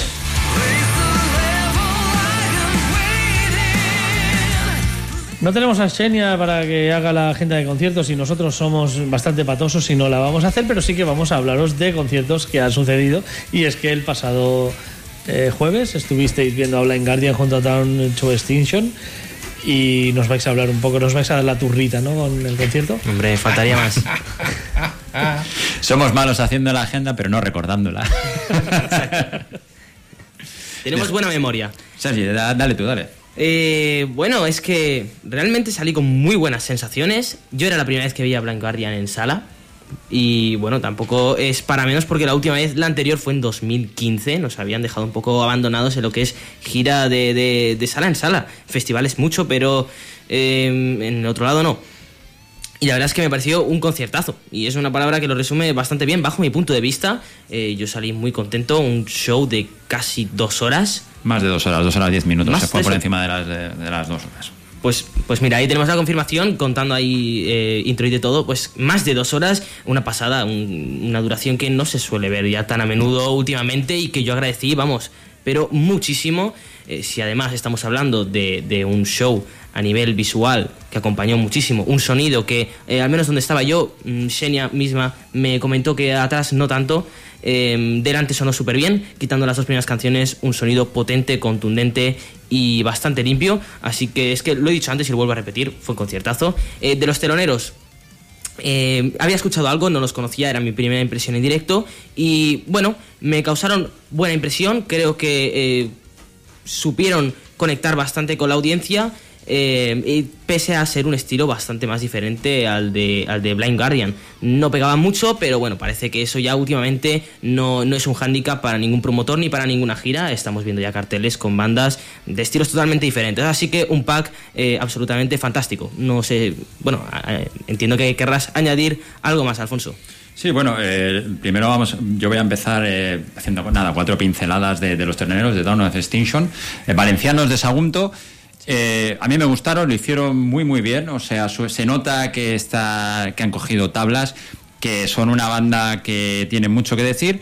De hecho, están girando con Blink Guardian por toda Europa, no fueron solo los que abrieron aquí los conciertos, están girando por, con ellos por toda Europa. Y bueno, y para los que os gusten los detallitos eh, curiosos, eh, su guitarrista, Cristian Juárez, pues también, hablábamos antes de Leo, pues es el guitarrista de, uno de los guitarristas de la banda de Leo. Eh, y bueno, pues en cuanto al estilo que hicieron, estuvieron unos 45 minutos aproximadamente sobre el escenario. Y a mí me recordó a ese, a ese trash eh, con toques core que podían hacer al, al principio, unos Trivium, unos Bullet for My Valentine, como, dice, como decía Sergi. No es que pegaran excesivamente con el estilo más tradicional de, de Blind Guardian. Pero me llamó la atención que pese a que el concierto empezó muy pronto, empezaron a tocar a las 18.45 creo que Ujú, fue. siete menos cuarto, sí. Siete- Sí, sí. 18:45. Sí, sí. Eh, pues tuvieron gente eh, apoyándoles bastante desde las primeras filas y me sorprendió ver pues, como la gente incluso coreaba más de un estribillo de, de los temas. Totalmente. Y repasaron pues eso, su último disco y también su anterior lanzamiento. En cuanto a Blink Guardian, pues hombre, yo creo que todos sabemos que son un valor seguro, más estos últimos años, porque sí que es verdad que nos dieron algún sustillo a principios de los 2000 cuando Hansi no pasaba por su, por su mejor momento. Y esta vez no, esta vez eh, yo creo que hace ya tiempo que Blink Guardian se han consolidado como una de las bandas grandes dentro del circuito europeo, es una banda solvente.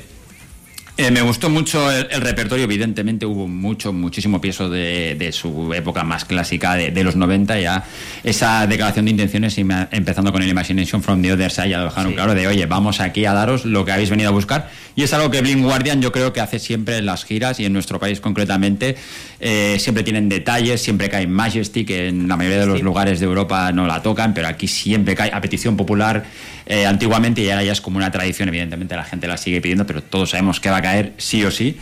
Eh, Valhalla también, Welcome to Dying, son, o sea, son temas himnos que, que en directo son, pues... Welcome to Dying, que ahora que la mencionas, fue una canción que añadieron, no estaba. sí, sí, no estaba, en, el, no estaba en el repertorio, exactamente, en el setlist, pero cayó. Y bueno, y de- del último disco, alguna cosita, alguna, algún tema cayó, cayeron concretamente te- te- tres temas, eh, Blood of the Elves, eh, Violent Shadows y Secrets of American Gods. Y bueno, bien, o sea, no, para mí no es el mejor disco de Blind Guardian, mucho menos, pero la elección me pareció correcta. Y eso, dos horas diez minutos de, de buen heavy metal, con un Hansi que, como siempre, pues un pelín sosito, como Frontman, no nos vamos a engañar, ¿no?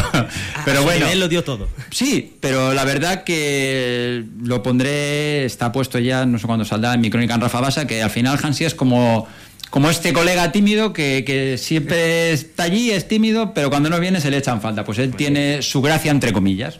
O sea, es- tienes tu, su salero y su gracia entre comillas. Él es Hansi y ahí lo tienes. Exacto. Y, y bueno, y, pero bueno, incluso con esta sosería, pues también vimos que se permitió alguna, alguna broma cuando bromeó sobre eh, la ausencia de Marcus, Sí, de en Marcus. la anterior gira cuando tocaron en festivales. O sea, que al fin y al cabo, tan soso no será el Salto hombre. y todo. Salto y todo, o sea que... Dos horas y diez minutos de Blink Guardian en estado puro. Yo creo que todos salimos muy, muy contentos hablando con la gente. Ahí había oyentes del programa también y creo que todos salimos con la convicción y todos de acuerdo de que había sido muy, muy buen concierto de Blink Guardian. No puedo estar más de acuerdo.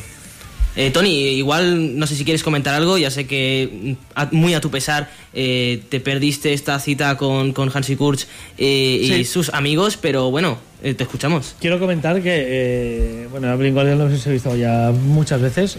La gira de festivales, como decís, pasó por el Rockfest, hicieron el Sí. Imagination, el, el Somewhere. Somewhere Far Beyond, casi completo, porque al no estar Marcus no pudieron tocar Theater of Pain. Pero eh, sí, son una banda que ha vuelto a ser solvente en directo.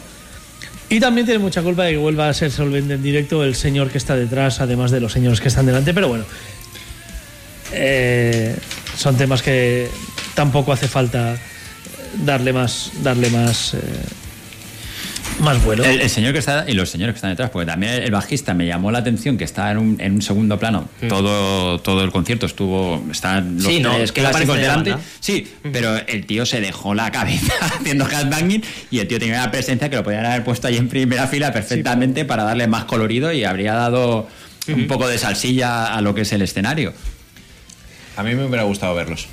A Blink Guardian, ya. ¿Los habéis visto alguna vez? Pero los horarios. Bueno, no, no vamos a debatir, ya se ha comentado el otro día y no tenemos tiempo hoy, pero Bueno, sí. hay- A- Hasta, ¿Cuánto- hasta el propio Hansi comentó que si nos había dado tiempo de ducharnos antes de, del sí. concierto, o sea que hasta él. Lo remarcó, dijo, estos horarios no son dignos de, de aquí de España, esto me lo puedo encontrar en el resto de Europa, pero aquí no. A mucha gente le viene muy bien, evidentemente, porque llegas pronto a casa. Claro, te En da mi tiempo a caso- salir a cenar. En Claro. tu caso, ¿Llegas a ver el tiempo después de las noticias?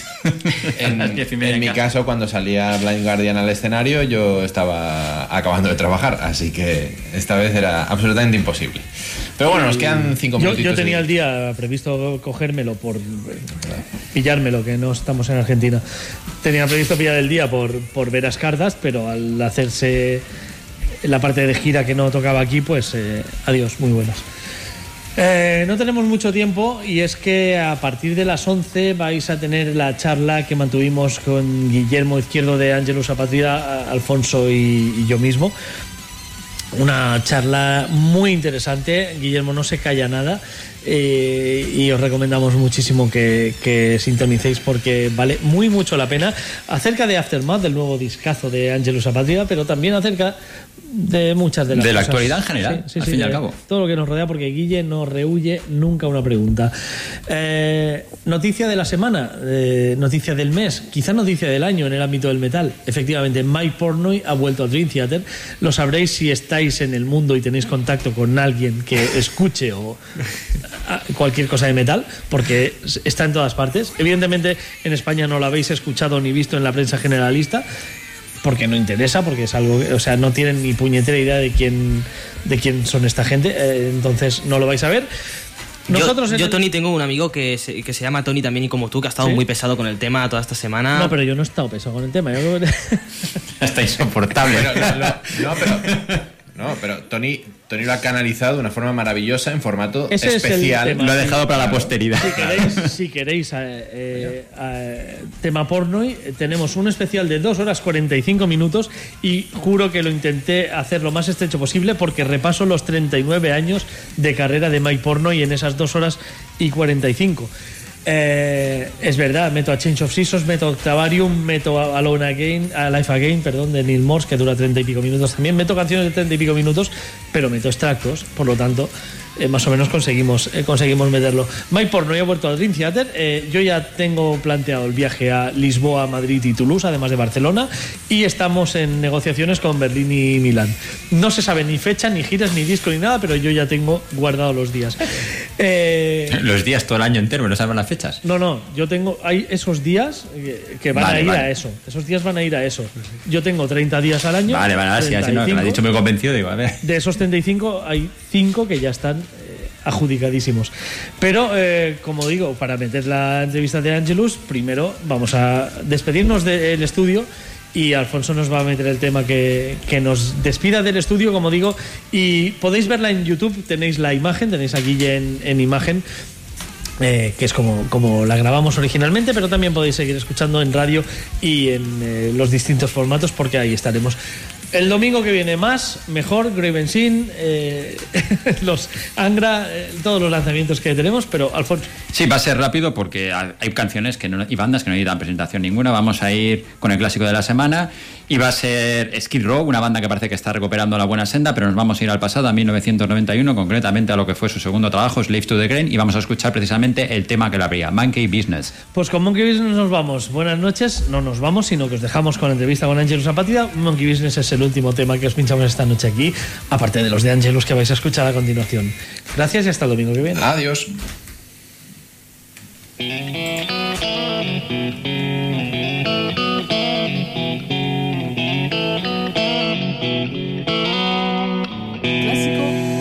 Well, outside my window, there's a whole lot of trouble coming. The cartoon killers and the rank of clones. Social circumcision. I can't close the closet on a shoebox full of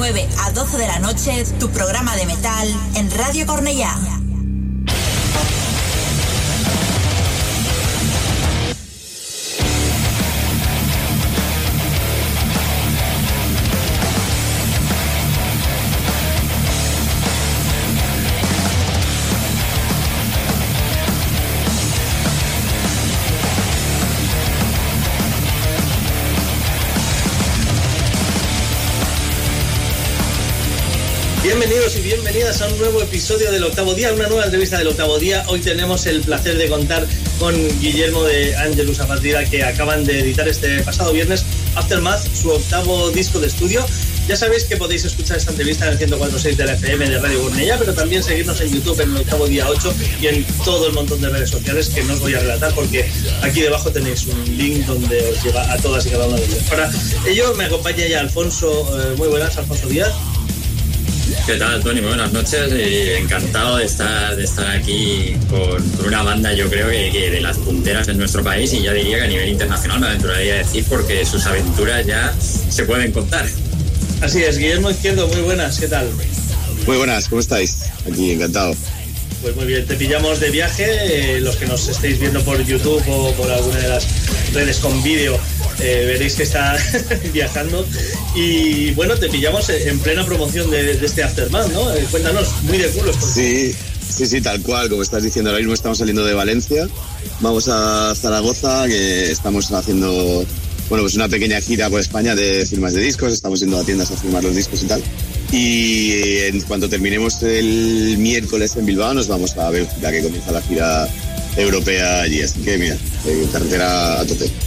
Carretera a tope, que ya lo echabais de menos después de estos años duros, ¿no? Porque ha sido una época dura, sobre todo para los que os dedicáis a- al mundo de- del espectáculo. Es- ha, sido, ha sido una época dura, pero Angelus no ha parado nunca, ¿no? Eh, Dentro de lo que eso, te iba a decir, eso te iba a decir, fue, fue bastante duro y complicado al principio, ¿no? sobre todo porque no, no veíamos no veíamos salida, no veíamos un poco, ¿sabes? Sobre todo el, el- el primer semestre de 2021, cuando sacamos eh, el disco homónimo, ahí sí que hubo ya algunos momentos de incluso pánico, ¿no? De, de, hostia, esto parece que no... Todo este, ese, ese optimismo que teníamos, optimismo entre comillas, de, bueno, vamos, desde el saldremos mejores, que eh, obviamente no. A, a, bueno, a decir, vale, ya se pasará, ya se pasará, pero ya los meses que no pasaban, sacabas un disco y al final es joder, tío, como no, vamos, como no vamos a empezar a tocar, nos vamos a, nos vamos a garete. Eh, pero sí, de- desde que pudimos, desde que yo diría que creo que fue julio de 2021 que ya empezamos a dar los primeros shows, eh, desde ahí no hemos parado prácticamente hasta, hasta ahora. O sea, de hecho, hemos enlazado, hemos enlazado una gira con, con otras prácticamente. Te iba, te iba a comentar eso, ¿no? Que en Barcelona fue de los primeros conciertos que, que hicisteis en el Parque del Fórum, ante un público sentado. eh, aquella Sí. anormalidad que nos hicieron hacer de ir con mascarillas sentados con distancia, que no se entendía mucho y que ahora con perspectiva se entiende aún menos. No se entendía mucho y que ahora con perspectiva se entiende aún menos, quizá. Pero, ¿cómo- ¿cómo os sentisteis tocando ante un auditorio así? Eh, para nosotros fue, fue brutal. O sea, no- no- fue raro y tal, pero de alguna manera nos, adaptamos enseguida, porque poder tocar, poder hacer eso es lo que estaba viendo que era tan, tan lejano y tan imposible, poder haberlo hecho para nosotros fue, fue vital. Poder seguir sentirnos útiles y que podías hacer tu trabajo, eh, tu pasión, pues la verdad es que fue muy guay, no sé. Es como que fue extraño porque enseguida nos acostumbramos al rollo de, y de, de- de- de ver a la gente sentada, con mascarillas, con distancia social y toda la hostia. Eh, ese fue, claro, es que ese fue en agosto de 2020, o sea, ese fue en plena, pleno apogeo de, de la pandemia, ¿no? Realmente, luego creo que no pudimos volver a hacer nada más, hicimos unos cuantos streamings y yo creo que hasta principios del verano 2021 toda- ya no volvimos a tocar, si no me equivoco. Eh, entonces se hizo, se hizo extraño. O sea, ya decías, mira, con mascarilla, como si hay que tocar con escafandra, o sea, tenemos que tocar, por favor. Yo, Guillermo, tuve ocasión de estar en aquel concierto en el foro y tú dices que vosotros como músicos, ¿no? Fue un poco quitaros la espinita de estar tanto tiempo parados, pero también fue para los fans, fue también reencontrarnos, ¿no? Con una pasión que es la música en directo, que también estábamos a dos velas y en el dique seco y por eso yo creo que es nuestro agradecimiento, ¿no? De, que hicierais también el esfuerzo de tocar en esas circunstancias que sabemos que no son las más acordes ni a vuestro estilo ni a lo que os han llamado a patria como banda.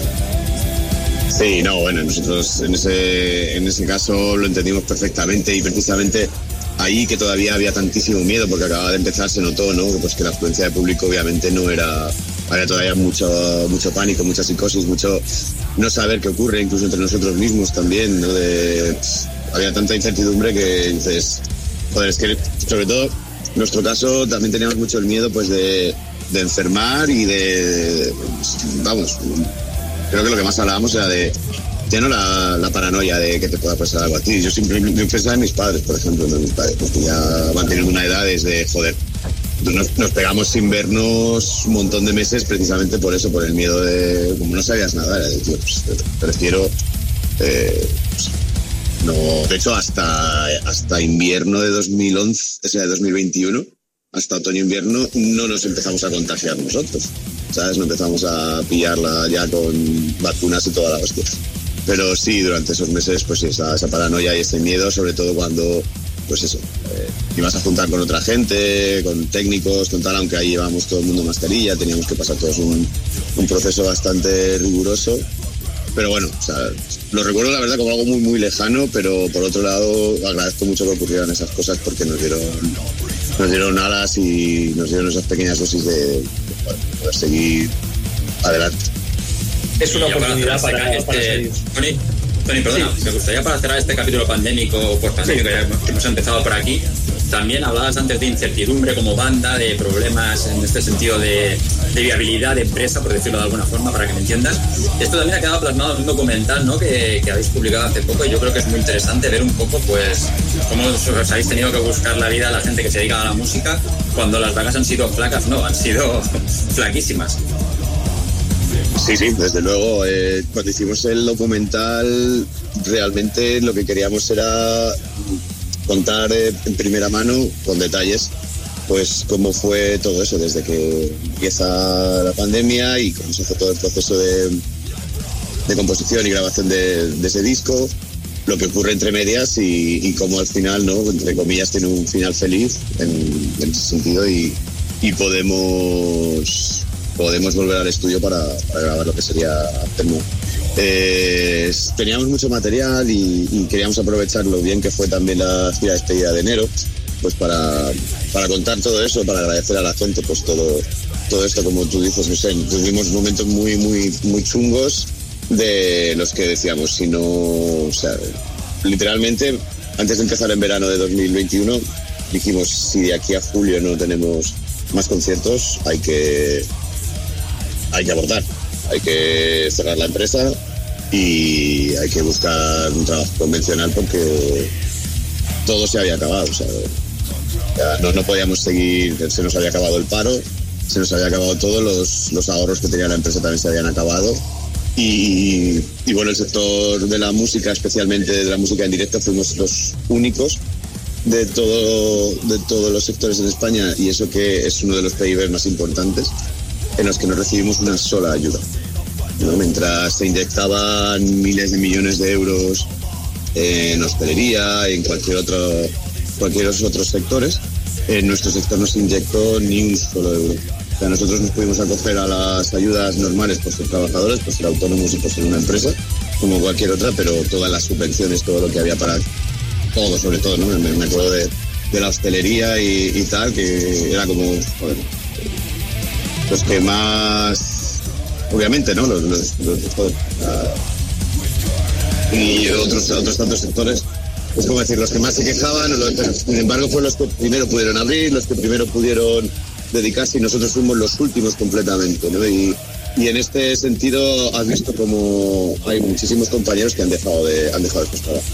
Ya, de hecho, a día de hoy es complicadísimo, es muy complicado volver a encontrar técnicos, montadores, eh, backliners. Hay muchísima, muchísima gente que se tuvo que dedicar a otras cosas. A ver, está el ejemplo de, no sé si era un backliner de, de, de una banda súper tocha eh, española, rollo Fito o Extremoduro o Marea, algo así, que lo tuvo que dejar y que se dedicaba durante el verano ya a, a vender a vender cervezas y Coca-Colas en, en la playa.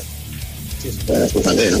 Entonces, en ese momento dijimos, Dios, si para julio de 2021 nosotros no, no empezamos a generar dinero, hay que dejarlo todo. Con un disco que ha sido número uno, con toda la hostia, con todo lo que tú quieras. Pero ahí es cuando le vimos las orejas al lobo de verdad y dijimos, hostia, esto es muy serio, ¿eh? Y muy jodido porque es el trabajo de prácticamente toda una vida, de poder llegar a, a vivir de esto, de tener una empresa solvente, que sea tocando un metal extremo y, y joder, se te vaya todo al garete por, por algo así, sobre todo porque nadie te ayuda. Pero al final, quien nos ayudó fue nuestra propia gente. No- nuestros seguidores, nuestros amigos, son los que nos compraban el merchandising online, son los que compraban el disco y son los que empezaron a venir a los conciertos en cuanto se pude abrir. Eso fue lo que nos salvó y eso es un poco lo que queremos también reflejar en, en el documental. Las gracias en ese sentido de, de al final ni, ni ayudas de arriba ni de ayuntamientos. Bueno, no, de decir que el ayuntamiento de Albacete sí que nos dio una pequeña subvención, fueron mil o dos mil euros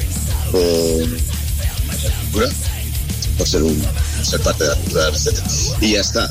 De hecho, el gobierno de Castilla-La Mancha había una subvención para empresas que nos denegaron que fue brutal, ¿no? O sea, se la- la- mola un porque nuestro gestor decía, tío, se han llevado todo el dinero las grandísimas empresas, ¿sabes? Las, las empresas que facturan millones de euros se han llevado todas las ayudas y las, las empresas que estáis perdiendo dinero no, pues no, no os la están concediendo a nadie. Y del gobierno central igual, no, no podemos, en- no podemos pillar. Pero bueno, sin más, eh, es un poco también lo que se puede llegar a reflejar en la portada de After. Aftermath, al final es, es lo que ocurre después de un desastre, un, sino una secuela ¿no? de un desastre y al final eh, el tema de la portada va un poco en ese, en ese rollo. Eh, tema de joder, o sea, sobrevivimos gracias a nuestra propia gente y, y ahí es, al final es lo guapo, lo chulo y lo mola de todo esto. Mira, ahora que No tiene- la po- hablas Tiene su propio... Perdón, perdón. No, no, hablando de la portada, es un tema que queríamos tratar también, porque la portada, dentro de que refleja eso, es muy oscura, ya lo era la del disco anterior homónimo, tonos muy oscuros, muy negros, supongo que salen también de, de toda la experiencia y quieren reflejar un poco esa rabia ¿no? que, que queréis plasmar en los discos. Sí, es, eh, siempre a Yura le dejamos un poco eh, bastante mano libre para que haga él realmente como él lo, piensa. Ellos, eh, Yura es, es húngaro y en Hungría pues también, obviamente como en, el resto del mundo, pues también tuvieron sus, sus más y sus menos, sus restricciones y sus movidas. Entonces, en ese sentido, las dos portadas le dejamos bastante rienda suelta para que mostrara con un poco el concepto que teníamos, pero que fuera él, que decidiera los colores y que decidiera...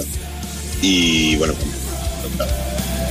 En Hungría, que la extrema derecha no es una amenaza, sino una realidad, porque hace años que están gobernando allí, o sea que también tiene un panorama guapo y una- por allí. Sí, eh, bueno, la extrema derecha es una realidad en todo el mundo. Sí. Lamenta- lamentablemente, ¿no? Ya ha llegado a tal punto que pues, se ha blanqueado tantísimo que ya se ve como normal. Eso es algo que hace 15 años se veía o sea, completamente imposible, ¿no? O sea, aparte era, recuerdo todos los programas de, de, de rollo Antena 3, Telecinco, que siempre hacían reportajes contra la extrema derecha, ¿no? Incluso capítulos en compañeros, de aquella serie de compañeros en las que hay un capítulo que es como muy educativo, en el que por qué no hay que tolerar a la extrema derecha, ¿no? Y ahora, sin embargo, pues fíjate, donde los tenemos aquí afortunadamente en España parece que les, les un poco más, aunque están ya metidos en... lo- preocupante en ese sentido ya no es que puedan no, no gobernar, que lo están haciendo en alcaldías ¿no? y en concejalías, sino que están ya metidos en lo están metidos en el poder judicial, están metidos en las fuerzas de, y cuerpos de seguridad del Estado, que es, es- es lo, pues lo, lo más peligroso de todo, ¿no? Como pueda ocurrir, por ejemplo, en- también en Alemania, en los que se han desmantelado varias eh, mini organizaciones células, sí. células dentro de ejércitos, de la policía, ¿no? Que incluso eh, estaban planeando eh, realizar golpes y más.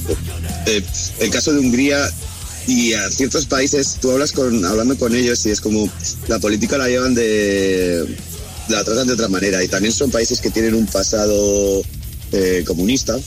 Entonces el sentimiento anticomu- anticomunista se mezcla mucho a veces con la extrema derecha, por supuesto. No es, eh, es algo que están intentando, por ejemplo, hacer en Estados Unidos. En Estados Unidos eh, tienen ese sentimiento anticomunista, sobre todo por el tema de la, de la Guerra Fría, todo la propaganda y todo el miedo que se vivió eh, eh, después de la Segunda Guerra Mundial.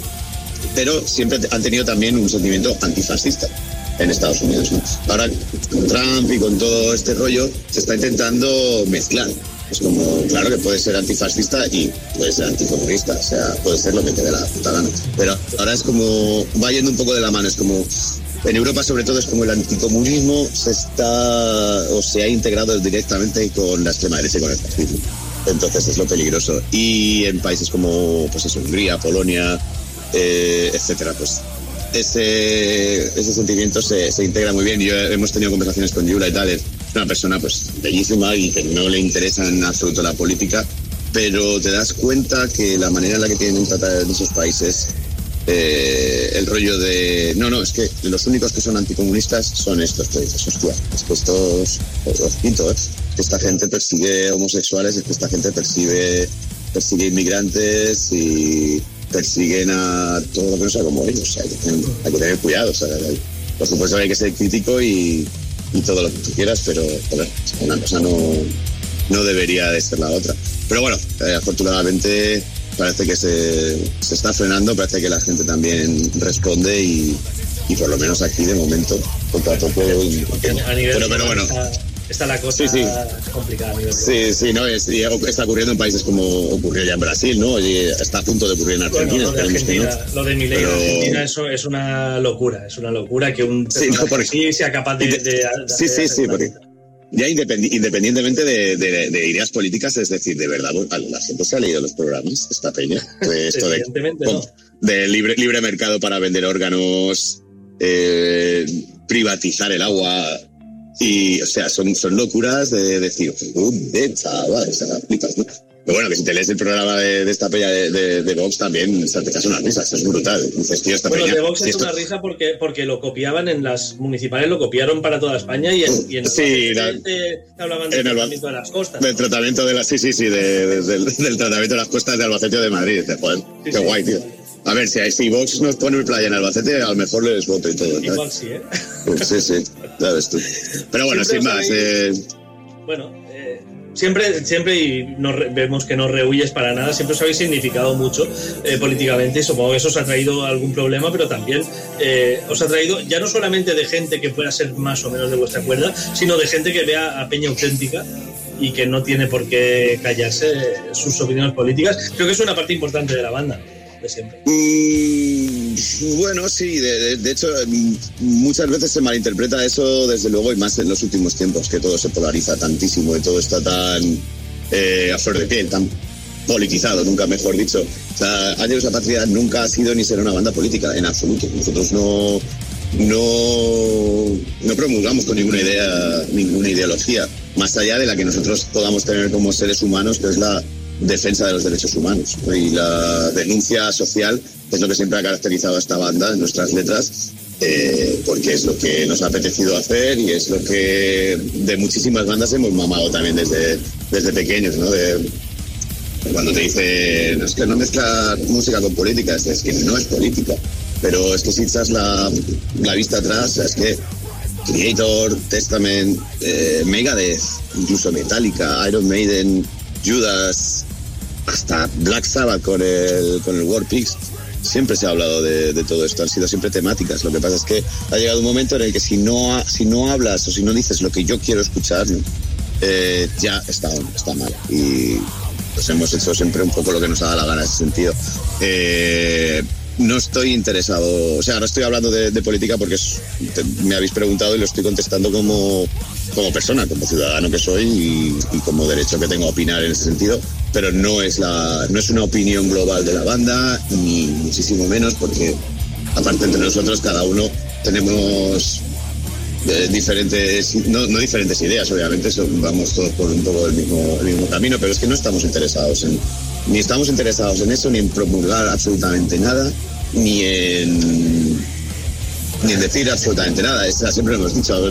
O sea, un nazi para mí es, es una escoria. Un nazi, por supuesto. Somos, no nos gustan los nazis en absoluto, no nos gustan los fascistas ni los extremistas. Entonces, pues, pero creo que eso debería ser el denominador común de, cualquier persona que viva en una, en una civilización democrática, debería ser así. Lo que pasa es que al final se está tergiversando y se está polarizando tanto que, bueno, pues que tienes a, tienes a nazis y tienes a fascistas y tienes a extremistas que están saliendo en la televisión todos los días, en programas de, de, de ¿no? En- y, y les hacen bromas, ¿no? Y salen a jugar, sal- sí, sí. salen a jugar a- El, hormi- el hormiguero y- que es el escaparate del fascismo. por ejemplo, sí, ¿no? Y, y en, en otros, en otros programas, pues te cuestionan cosas, ya que te están incluso cuestionando el tema de la. Ya, no voy a entrar en cosas como cuestionar, yo qué sé, pues la- el COVID, sus vacunas y todo eso, porque es- habría para discutir muchísimas horas sobre eso.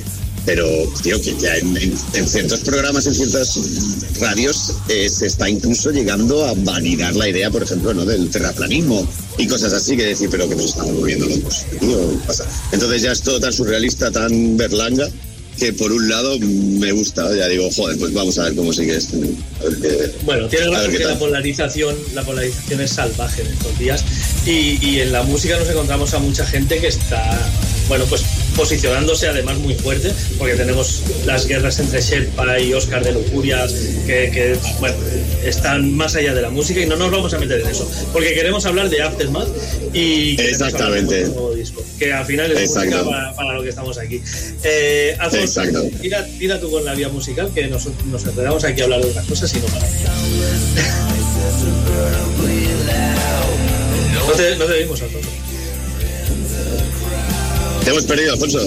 Hemos perdido, hemos perdido tu, tu micrófono, Alfonso. No, no, es que no se te oye. No te escuchamos. No se te oye.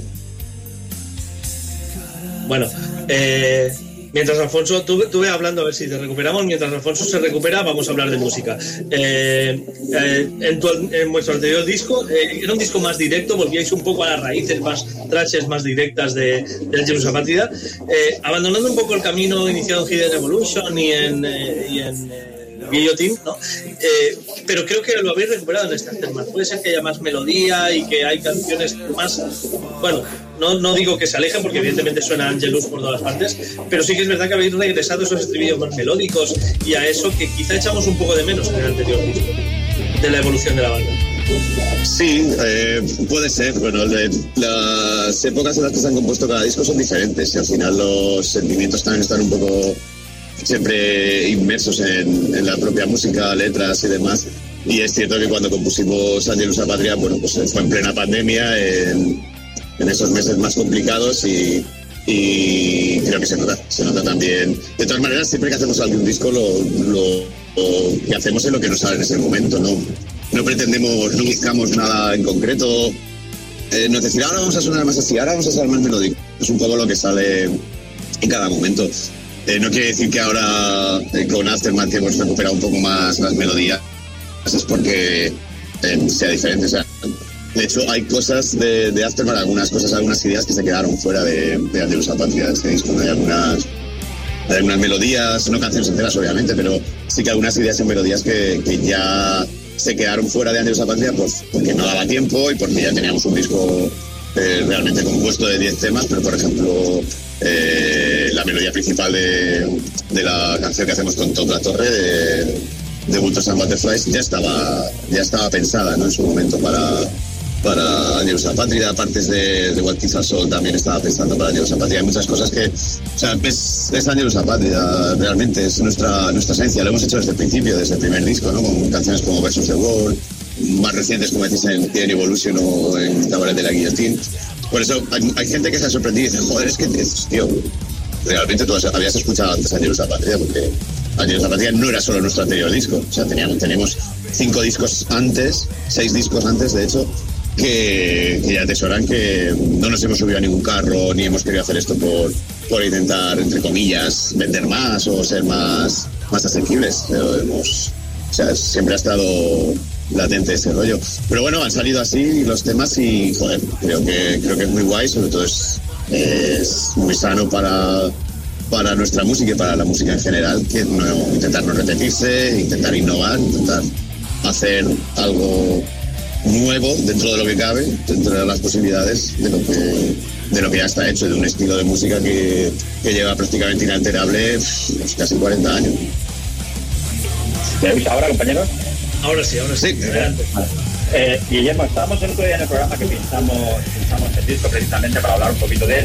Y una cosa que yo comenté y que creo que me gustaría compartir contigo, tú decías que el disco es continuista, digamos, con vuestra trayectoria de, de siempre, o sea, con todo lo que ha sido vuestro trabajo anterior. Yo creo que una de las causas es eh, precisamente la estabilidad de la banda, ¿no? Pocas que pueden decir que llevan más de 20 años juntas y trabajando codo con codo. Y son un equipo perfectamente compacto. ¿Qué nos puedes decir de, de esa relación con tus compañeros del día a día y cómo se lleva?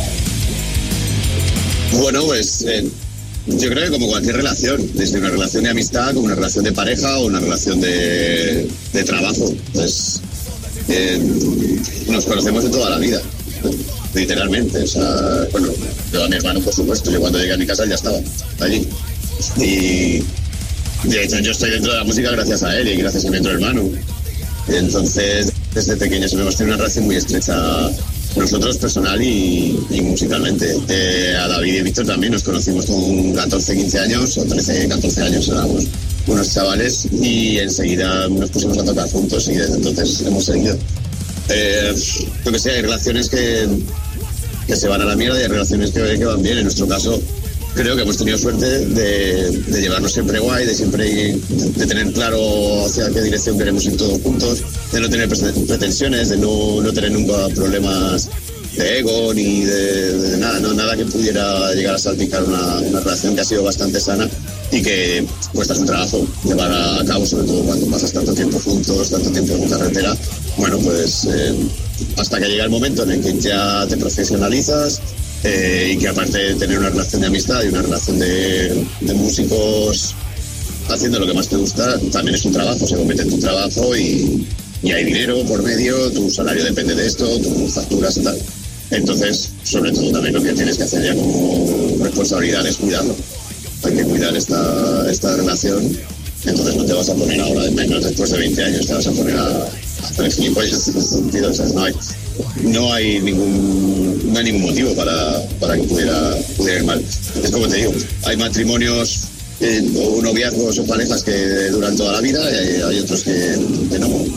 Igual que amigos, igual que, que compañeros de trabajo, nosotros en ese sentido pues hemos tenido la suerte de llevarnos siempre guay y de, de ir siempre en la misma dirección. Entonces eso ha ayudado a la estabilidad de, de la banda, por supuesto, eso ayuda un montón a, que todo vaya cada vez más fácil, que sea más sencillo componer, grabar, salir de gira, etc.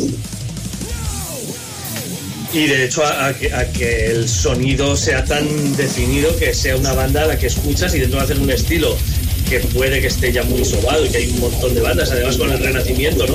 Como una segunda venida de thrash metal que hubo hace unos años. Eh, hay muchas bandas, pero en cambio cuando escuchas Ángelos la Bandida sabes que son ellos porque el sonido es, es muy característico. Aunque es cierto que aquí te puede sonar Sepultura, allí a Sociedad Alcohólica porque las influencias están ahí, pero tenéis un sonido muy personal que creo que es bastante en parte al hecho de ser los mismos cuatro que, que habéis generado, habéis parido ese sonido. Sí, claro, eso es, eso es inevitable. O sea, es lo típico de, lo, guay de, las bandas, poder llegar a tener tu propio sonido, eh, más en un estilo, como decís, tan manido y tan eh, longevo, como es el heavy metal. Es el metal, poder tener, sin cambiar, sin intentar buscar fórmulas raras, ni intentar, bueno, pues como a veces hacen otras bandas, que dices, joder, cada disco parece que van buscando el, a ver por dónde voy para intentar gustar más o gustar menos. Nunca ha sido algo que a nosotros nos haya interesado en absoluto. Creemos y confiamos ciegamente en nuestras capacidades compositivas y así lo hemos hecho siempre. Y es como, tenemos la premisa de que si nos gusta a nosotros, le va a gustar a, a- a cualquier seguidor de la banda, viejo y nuevo. Y hasta ahora ha sido así. O sea, nunca nos hemos cortado a la hora de, de componer algo porque no lo buscamos. No buscamos sonar así o repetir fórmulas o tal. Simplemente es lo que sale al final, pues eso. de alguna manera tienes tu sello, tienes tu manera de, de componer y de tocar las cosas que, que hace eso. Cuando lo estés escuchando, sabes que está, está sonando bien. Así es. Alfonso. Sigue tú. Sí, precisamente, Guillermo, me gustaría eh, que nos hablas un poco de las colaboraciones. Porque quizás en un disco de Andrés Patria hacer colaboración de, de Gary Hall, de Exodus, ¿no? por decir algo así, más acorde con el estilo. En cambio, habéis contado pues, con músicos que quizás no están metidos tan dentro del rollo del thrash metal. ¿Por qué os habéis decidido por ellos o cómo ha salido la opción de colaborar con ellos? Ha sido todo de manera bastante espontánea y, y natural. Lo, lo primero, sobre todo, es como decir, ¿por qué no? ¿Por qué no vamos a, a tener eh, gente que no esté quizá tanto dentro de este estilo? O sea, Llenos a Patria es una banda detrás. Sí, pero es algo más. O sea, somos una banda, creo que es mucho más. Siempre hemos sido algo más que una simple banda detrás. También podríamos tener otro debate con, con esto, decir, bueno, realmente a mí me cago bastante en el tema de las etiquetas, de, o sea, final somos una banda de heavy, somos una banda de metal. Pues, que si estamos en en el siglo XXI, tío, en el año 2023, hay ciertas cosas que a lo mejor, no, o por lo menos para mí, pues no tienen demasiado sentido.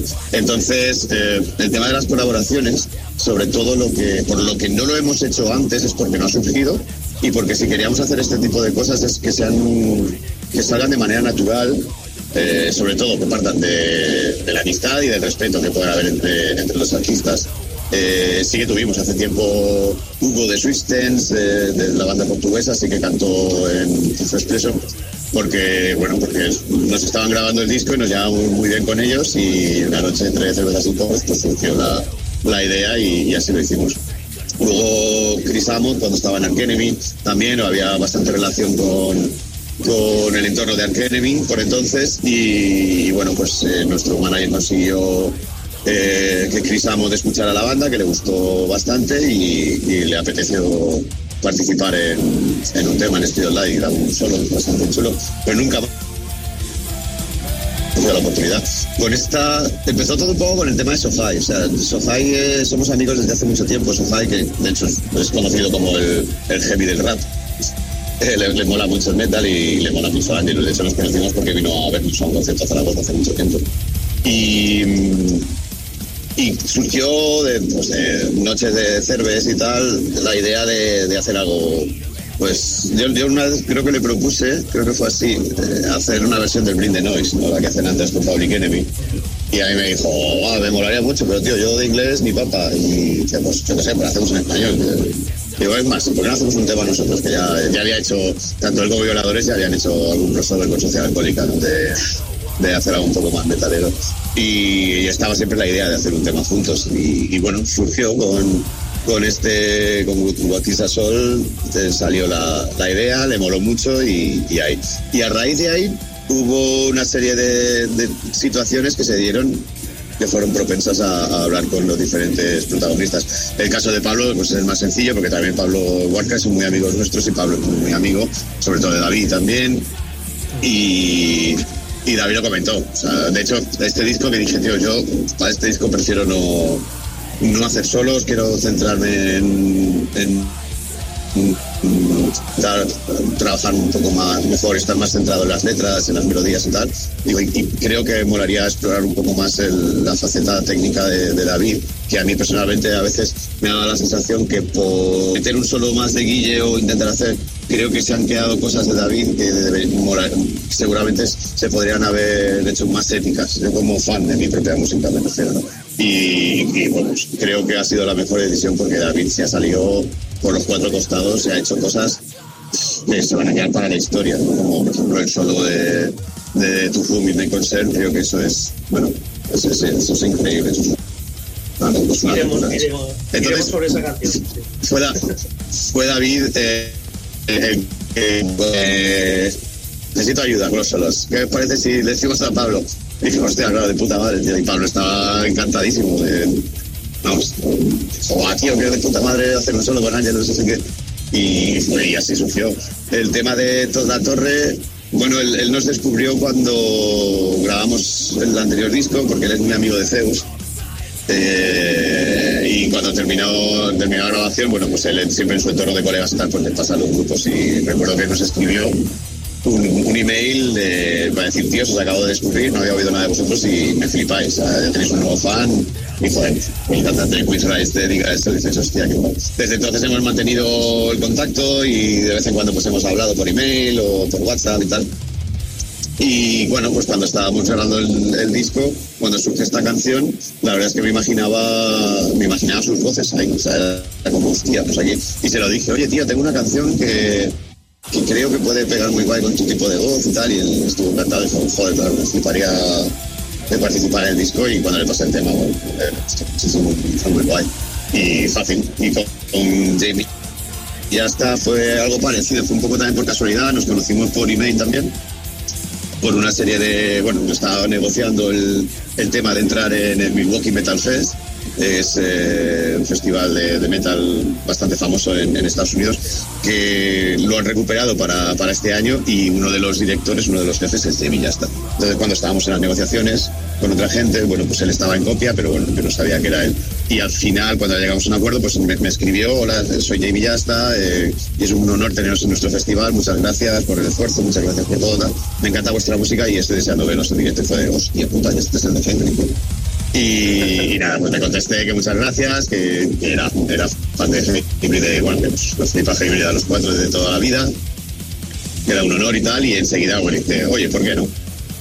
Teníamos ahí un par de temas que también pensaba y dije, pues por cierto, ahora mismo estamos grabando y, y no sé qué te parecería si te apetece también. Que sí, que, le encantaba el grupo y que sería un honor para él participar. Fácil. O sea, al final se resume todo que son relaciones de, de amistad, de respeto entre grupos y artistas. No hay dinero de por medio, no hay managers, no hay otro tipo de, de pretensión más que la de la colaboración pura y dura y, la de pasar un buen rato y la de, la de entre todos pues poner su grano de arena para hacer un, un disco muy guapo y, creo que así ha sido. O sea, cada uno ha dado su toque personal y, y ha dejado los temas pues eh, como un disco muy alto. Es así. Em, dentro de los temas, si escalamos un poco en el disco, además de las colaboraciones, destaca, eh, bueno, destacar Cold, que cuando lo estrenasteis, eh, creo que es un pelotazo. O sea, de hecho, mi pareja no está acostumbrada a escuchar thrash y, ya me ha dicho un par de veces, tengo la canción de Angelus metida en la cabeza que, que pónmela porque, porque, porque se te queda. Es una canción que se te queda y es un single que es, muy, es muy buena por el tema de que toca varios palos, que no es una canción el típico single anodino que repite repite una fórmula, sino que, bueno, es una canción con altibajos, con ritmos muy chulos, pero eh, sobre todo yo creo que en la primera escucha, además de, de canciones fáciles, las canciones que te entran primero como Scavenger o Guernica, por ejemplo, aparte de eso yo creo que sobresale un tema del que hablabas antes, May May Concern, que es una cosa que esto para los fans de Maiden no es progresivo, que dure más de 8 minutos no quiere decir que sea progresivo, pero que no es una cosa a la que estamos acostumbrados en una banda como Angel Apathy, un tema de más de 8 minutos,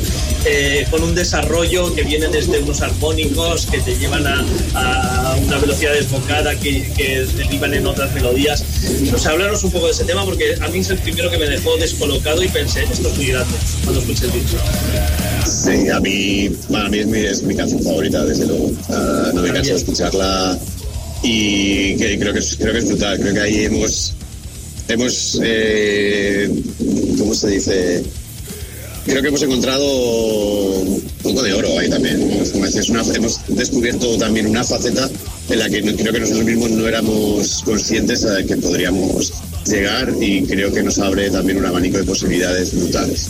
No quiero decir que, que en el futuro todo vaya a ir por ese, por ese lado, pero sí que nos ha demostrado que, joder, lo primero que, nos, que somos capaces de sorprendernos a nosotros mismos, en ese sentido. Y es difícil decirlo y hacerlo porque es como, si es tuyo, ¿cómo te vas a sorprender? Sí, sí, me sorprende muchísimo.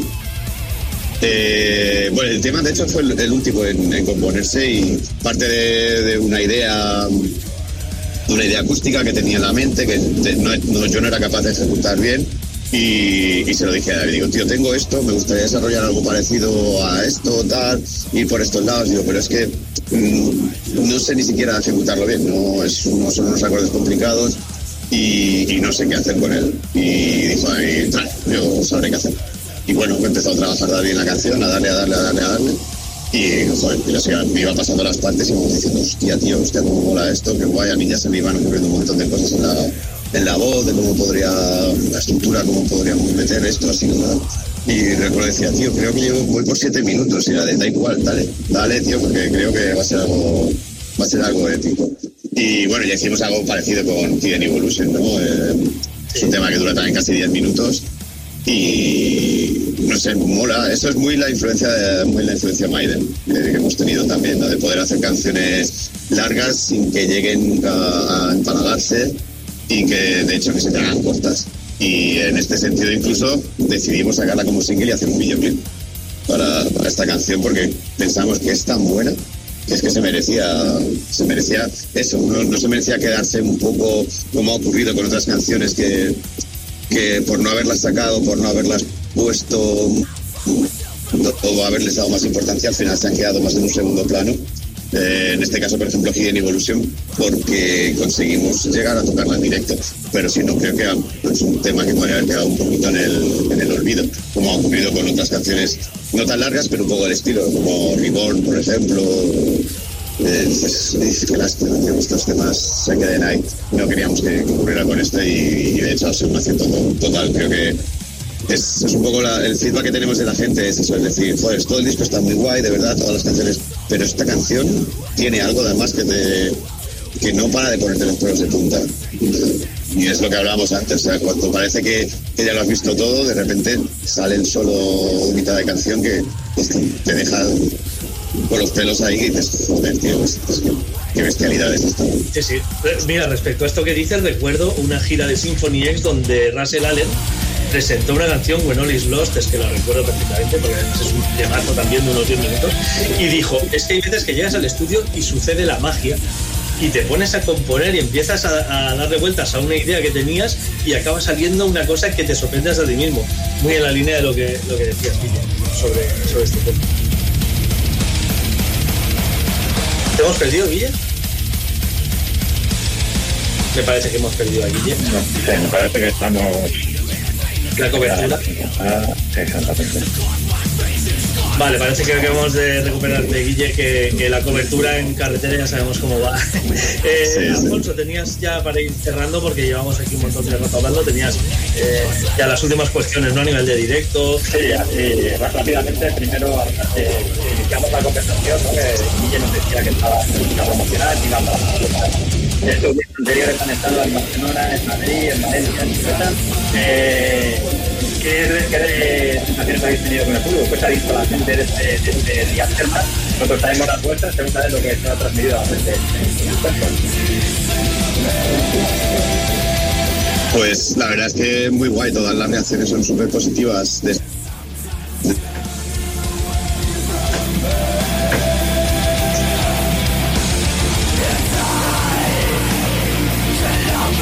Se nos ha, vuelto ahí. Eh, si os parece, eh, vamos.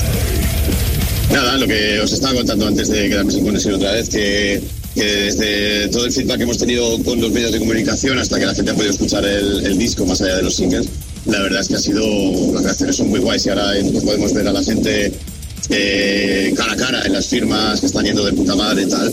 O sea, es, eh, la gente nos da las gracias, ¿no? Dice, joder, gracias por el disco que habéis hecho. Es como, hostia puta, ¿no? normalmente dice, oh, que enhorabuena, tal. Hay gente que nos está dando las gracias por haber sacado este disco que es de joder, tío. O sea, es, qué guay, o sea, es, te da ahí como congoja también, ¿no? Es decir, muy guay, saber a la peña la cara, es que es simplemente verles la cara como, como están viniendo las firmas y tal, y, y después ahora cuando empecemos la gira, pues, pues lo mismo, ¿no? Estamos deseando ver las, saber las impresiones de, de la gente, así que muy, muy, muy guay, muy contentos y, y pues con ganas de presentarlo a tope. Esto hecho más empezar.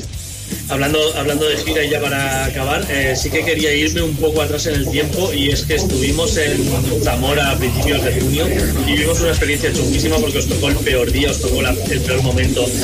Estuvisteis ahí dando la cara como pocos porque sí que es verdad que Lubeiti se portaron del cine, montaron allí unos acústicos y demás, pero otros como Ando y Bull a la primera pudieron se, se escaquearon.